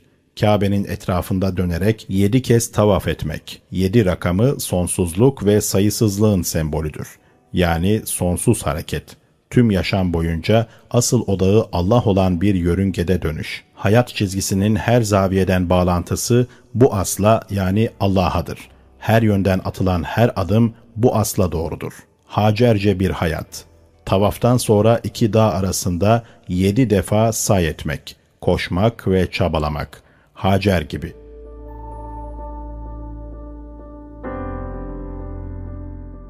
Kanaat ne yazık ki bugün yoksulluğa eğilim faktörü olmuştur. Az istemeye, alt çekmeye, ölmeyecek kadar yemeye, geri kalanın büyük ve kabarık iştah sahiplerine yeryüzünü içindekilerle birlikte yuttuğu halde doymayıp hala yiyecek bir şeyler arayanlara bırakmaya bir çağrıdır. Kanaat uğursuz bir zillet felsefesine dönüştürülmüştür. Köleleşme eğitimi, alçaklık öğretisi ve başkaları yesin sen kanaatkar ol dininin ahlaki temeli ve su kaynağı biçimini almış. İnsanların bütün bir hayat çizgisini et suyu sofralarında titremeye terk ettiren bir dünya görüşü. Et başkasına, su sana. Bu tür sabır ve kanaat köpekvari bir yaşamdan öğrenilmiştir. Ruhu içerikten yoksun kılma, istek ve arzudan arınma, sabır ve kanaat felsefesi bu ağır kırbaç darbelerine katlanma ve sabırdır. Yumuşak toprağa, efendilerin bazı bazı gösterdikleri sevgi ve şefkate şükür ederek sofra artık ve kırıntılarını yemeye kanaat. Ne uğursuz ve alçaltıcı bir felsefe. Ama İslam'ın anlamlandırdığı kanaat, Budist, Brahmanist, Hristiyan ruhban ve zahitlerinin, kanaat öğreticilerinin ya da mutasavvıflarla resmi zelil din bağlılarının yüklediği anlamın tam aksinedir. Her biri kanaate olumlu ve ayrı anlamlar yükleyen bir toplum bilimcinin, bir insan bilimcinin ve bir sorumlu aydının anlayış ve algılarının toplamıdır. Yani tüm çağlara özgü ve çağları kapsayıcı bir anlam.'' bir toplum bilimci uygarlığın ilerlediğini, tüketim felsefesinin etkinlik kazandığını, bilim, teknik ve politikanın hatta insan bilimin bile daha fazla üretim, daha çok tüketimin yanında ve hizmetinde olduğunu bilir. Bir insan bilimci tüm insani özelliklerin, yetenek ve sezgilerin, yaygın ve çok boyutlu düşüncelerin, açık dehaların, farklı tiplerle karakterlerin, tüm zaman ve eğilimlerin kendini düşünme esprisinin, hayat ve evren hakkındaki düşüncelerin, insan varlığının sahip olduğu anlam ve içeriğin, bunların topyekün imansız ve makro tüketimin saldırısıyla yağmalandığını bilir. Kapitalistin üretimine bağımlı propagandanın etkisindeki düşünce, sanat ve edebiyatın maddi tutkular vadisine her gün zorla biraz daha sürüklenen hayatta yalancı arzular oluşturduğunu, bireylere, aile, sınıf, toplum ve uluslara bunların yani tüketim tutkusunun yüklendiğini, bu yalancı yapay arzulananı elde etmek için hepsinin bir telaş, çaba ve sonsuz bir uğraşa sürüklendiğini görür. Madem beni muhtaç etmişler ve param da yok, öyleyse ömrümün gelecek yıllarını peşinen satmalıyım. Kölelere özgürlük sloganının anlamı da bu olsa gerek. Bu olsa gerek yeni modern kölelik yani tüketime dayalı yaşam sisteminde yaşayan kölelerin kendilerini bu kez özgürce sattıkları bir çağ. Hem de efendinin geleceğini satın almaya ikna edilmesi için iltimas ve torpile başvurulan bir çağ kendini kapitaliste, bankacıya ve hızlı üretime peşinen satan ben, değişik insani kemal boyutlarını, hikmeti araştırma eylemini, insani kişilik, onur ve yeteneklere sahip çıkma fonksiyonunu nasıl yerine getirebilirim? İnsani, adil, onurlu ve şahsiyetli bir ortamı kendime ve başkalarına nasıl hazırlayabilirim? Ben bugün de yarın da önceki tüketimler için kendini peşinen satmış alçak bir köle, toplumuna, mahrum halkına facia, zulüm, sömürü, geri kalmışlık, halkın cehaleti, dünyada süregelen cinayetler ve savaşlar karşısında bilgili, bilinçli, özgür bir insan olarak sorumluluk duyan ve bu görev ve sorumluluğunu sonuçlandırmak isteyen aydını ise merhum Celal'in deyimiyle hadımlaştırıyorlar. Yani tutkular, modern yaşam, lüks, konfor, gün be gün artan tüketim gibi olguları peş peşe başından aşağı döker, sırtına yüklerler aydının. Onu bu yapay ve zorla yükledikleri ihtiyaçları temin etme yokuşuna koştururlar. Böylece aydını bir tür sara nöbeti biçimindeki aptallığa dayalı tüketim boyunduruğunun tutsağı yaparlar ki arılığını, arı yapısını kaybedip satıp yağlansın ve yere yapışsın.'' Zorlu ekonomik yükümlülükler, bireysel ve ailevi yaşam çetinliğinin ağır yükü altında ezilerek binlerce muhafazakarlık, maslahatçılık, uzlaşmacılık, zaaf, zillet türü hasletlerin boyunduruğunda bir yaşamı sürdürmeye zorlanan bir aydın, elbette ki akide ve gerekliliklerini, insani sorumluluklarını bir tür gençlik hülyası telakkisiyle başından savar, umursamaz.'' Çarçabuk iş yaparak her istediğini elde eden akıllı adam sınıfına dahil olup aydın olmaktan kendini yalıtır. Çünkü istediklerini elde etmenin yolu kendini veya geleceğini peşinen satmaktan geçer. Artık o riskli konuma girmek cesaret ve hakkına sahip değildir. İşte bu noktadan sonra her değerini, canını vermek ve utanılacak durumlara düşmek kalır ona.'' İşte insanı ve aydını her boyutuyla kendine kurban eden bu çağ ve ortamda şu eldeki var olan bilgilere dayanarak kanaat ve zühdün ne anlama geldiğini, bunlara hangi açıdan bakıldığını ve bunların hangi kerteyedeğin gerekli ve içerik sahibi olduğunu ve de insana özgürlük bağışladığını daha rahat görebilirsin.'' Bir aydının yaşam ve sorumluluğu, güvenilir, yükümlülük sahibi bir toplum önderinin, bir akide ve halk mücahidinin yaşamı gündeme geldiğinde artık kanaat ve zühd, salt, bireysel ahlaki ve ruhsal bir erdemi ifade etmez. Buna ek olarak daha engin, daha ciddi ve daha yapıcı bir özelliğe sahip olur.'' Bu noktada zühd ve kanaat bir yandan mesajını sonuçlandırma ve zafer etkeni yaşam için gerekli koşul olurken öte yandan insan kalmak, vefalı olmak, direnmek, satılmamak ve titreyip sarsılmamak özelliklerinin de sigortası olur. İnsanın hedefe ulaşması yolunda imanının gerçekleşmesi uğrunda tehlikeyi karşılamanın fedakarlık ve kahramanlığın en etkin faktörüdür. Ali'nin zühdünün anlamı da budur. Yüce anlam içeren kavramlar, dar, yüzeysel ve kısır bakış açılarıyla küçülten, alçaltan, aldatıcı ya da kıt akılların yoksul yığınları yoksulluğa eğilimli olmaya araç kıldıkları kavramlardandır zühd. Zühd için zühd veya kanaat için kanaat türü ahmakça bir felsefeyi kanıtlamaya tanık kıldıkları zühd. Açlığın dini, talihsizliğin felsefesi veya felsefenin talihsizliği. Bize göre dinin çöküş ve zilleti, zillet ve çöküşün dini. Ali bu iki zühtü birbirinden ayırmıştır. Zühtü ve riyazatı öne çıkartan Harisli Ziyad oğlu Asım'a sertçe bağırdı. Aldatıcı şeytan seni böyle perişan ve yolunu yitirmiş yapmıştır. Ey kendinin en büyük düşmanı! Niçin ailene ve çocuklarına merhamet etmiyorsun? Niçin Allah'ın helal kıldığını sen kendine haram kılıyorsun?'' Asım Ali'nin devrimci zühtünü bu yanlış anlayışına uygun sufice bir züht, ruhbanca bir züht ya da yoksul perestlik dininin belirtisi sandığından dedi ki, Ya Ali, öyleyse sen neden böyle yamalı eski elbiseler giyiyor, beğenilmeyecek şeyler yiyorsun? Ali öfkeyle, sana yazıklar olsun, ben senin gibi değilim, benim görevim ağırdır.'' Allah adalet önderleriyle toplum idarecilerine yaşam standartlarını toplumlarının mahrumlarının yaşamlarına denk bir ölçüde tutmalarını vacip kılmıştır. Ey kardeşim! Bu kuşak elden gidiyor. Bu kuşak iki cendere arasına sıkışmış. Modernizm, medeniyet, gelenek, bidat kutupları arasında. Gericilik, inhiraf, geçmiş, hal taklidi, eskiye batıya tapıcılık, tutuculuk kutupları arasında yalnız kalmış, sığınaksız ve üssüz. Bu kuşak ne eski ve miras alınan kalıplara mensup ne de modernist ve zorla yüklenilen kalıplarda biçimlenmiştir. Bir imanı seçme noktasındadır. Arzulu ve susuzdur. Özgür ve başıboştur. Var olan ve ona sunulan biçimdeki dinden kaçan ve ondan ümitsiz olandır bu kuşak.''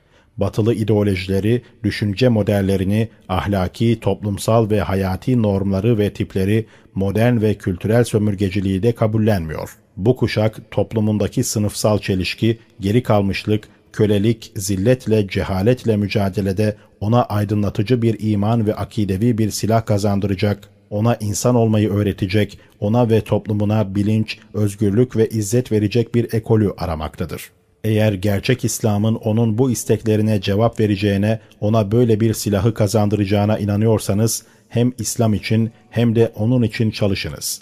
Ona bir eğitim üssü ve bir tebliğ dayanığı hazırlamak, yeni ve güçlü bir düşünsel akımı başlatmak sizin görevinizdir.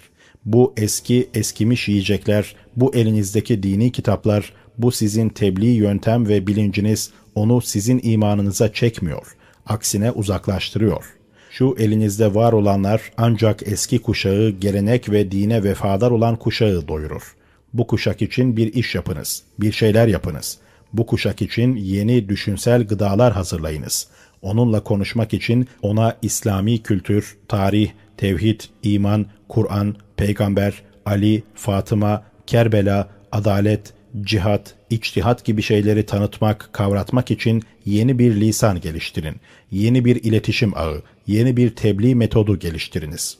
Yeniden İslami diriliş için, düşünsel bir devrim ve canlılık için yeni ve güçlü bir çabayla işe koyulunuz. Dini hizmetlerinizi, İslami faaliyetlerinizi gerçek İslam'ın anlayışına uygun olarak çağdaş kuşaklar için seferber ediniz. Yoksa bu kuşak elden gidiyor. Bu fırsat kaçıyor. Bu din, bu iman yalnız sizle yarınlara ulaşmaz. Henüz elinizden bir şeyler yapmak geliyor. O halde çalışınız. Bir şeyler yapınız. Vesselam.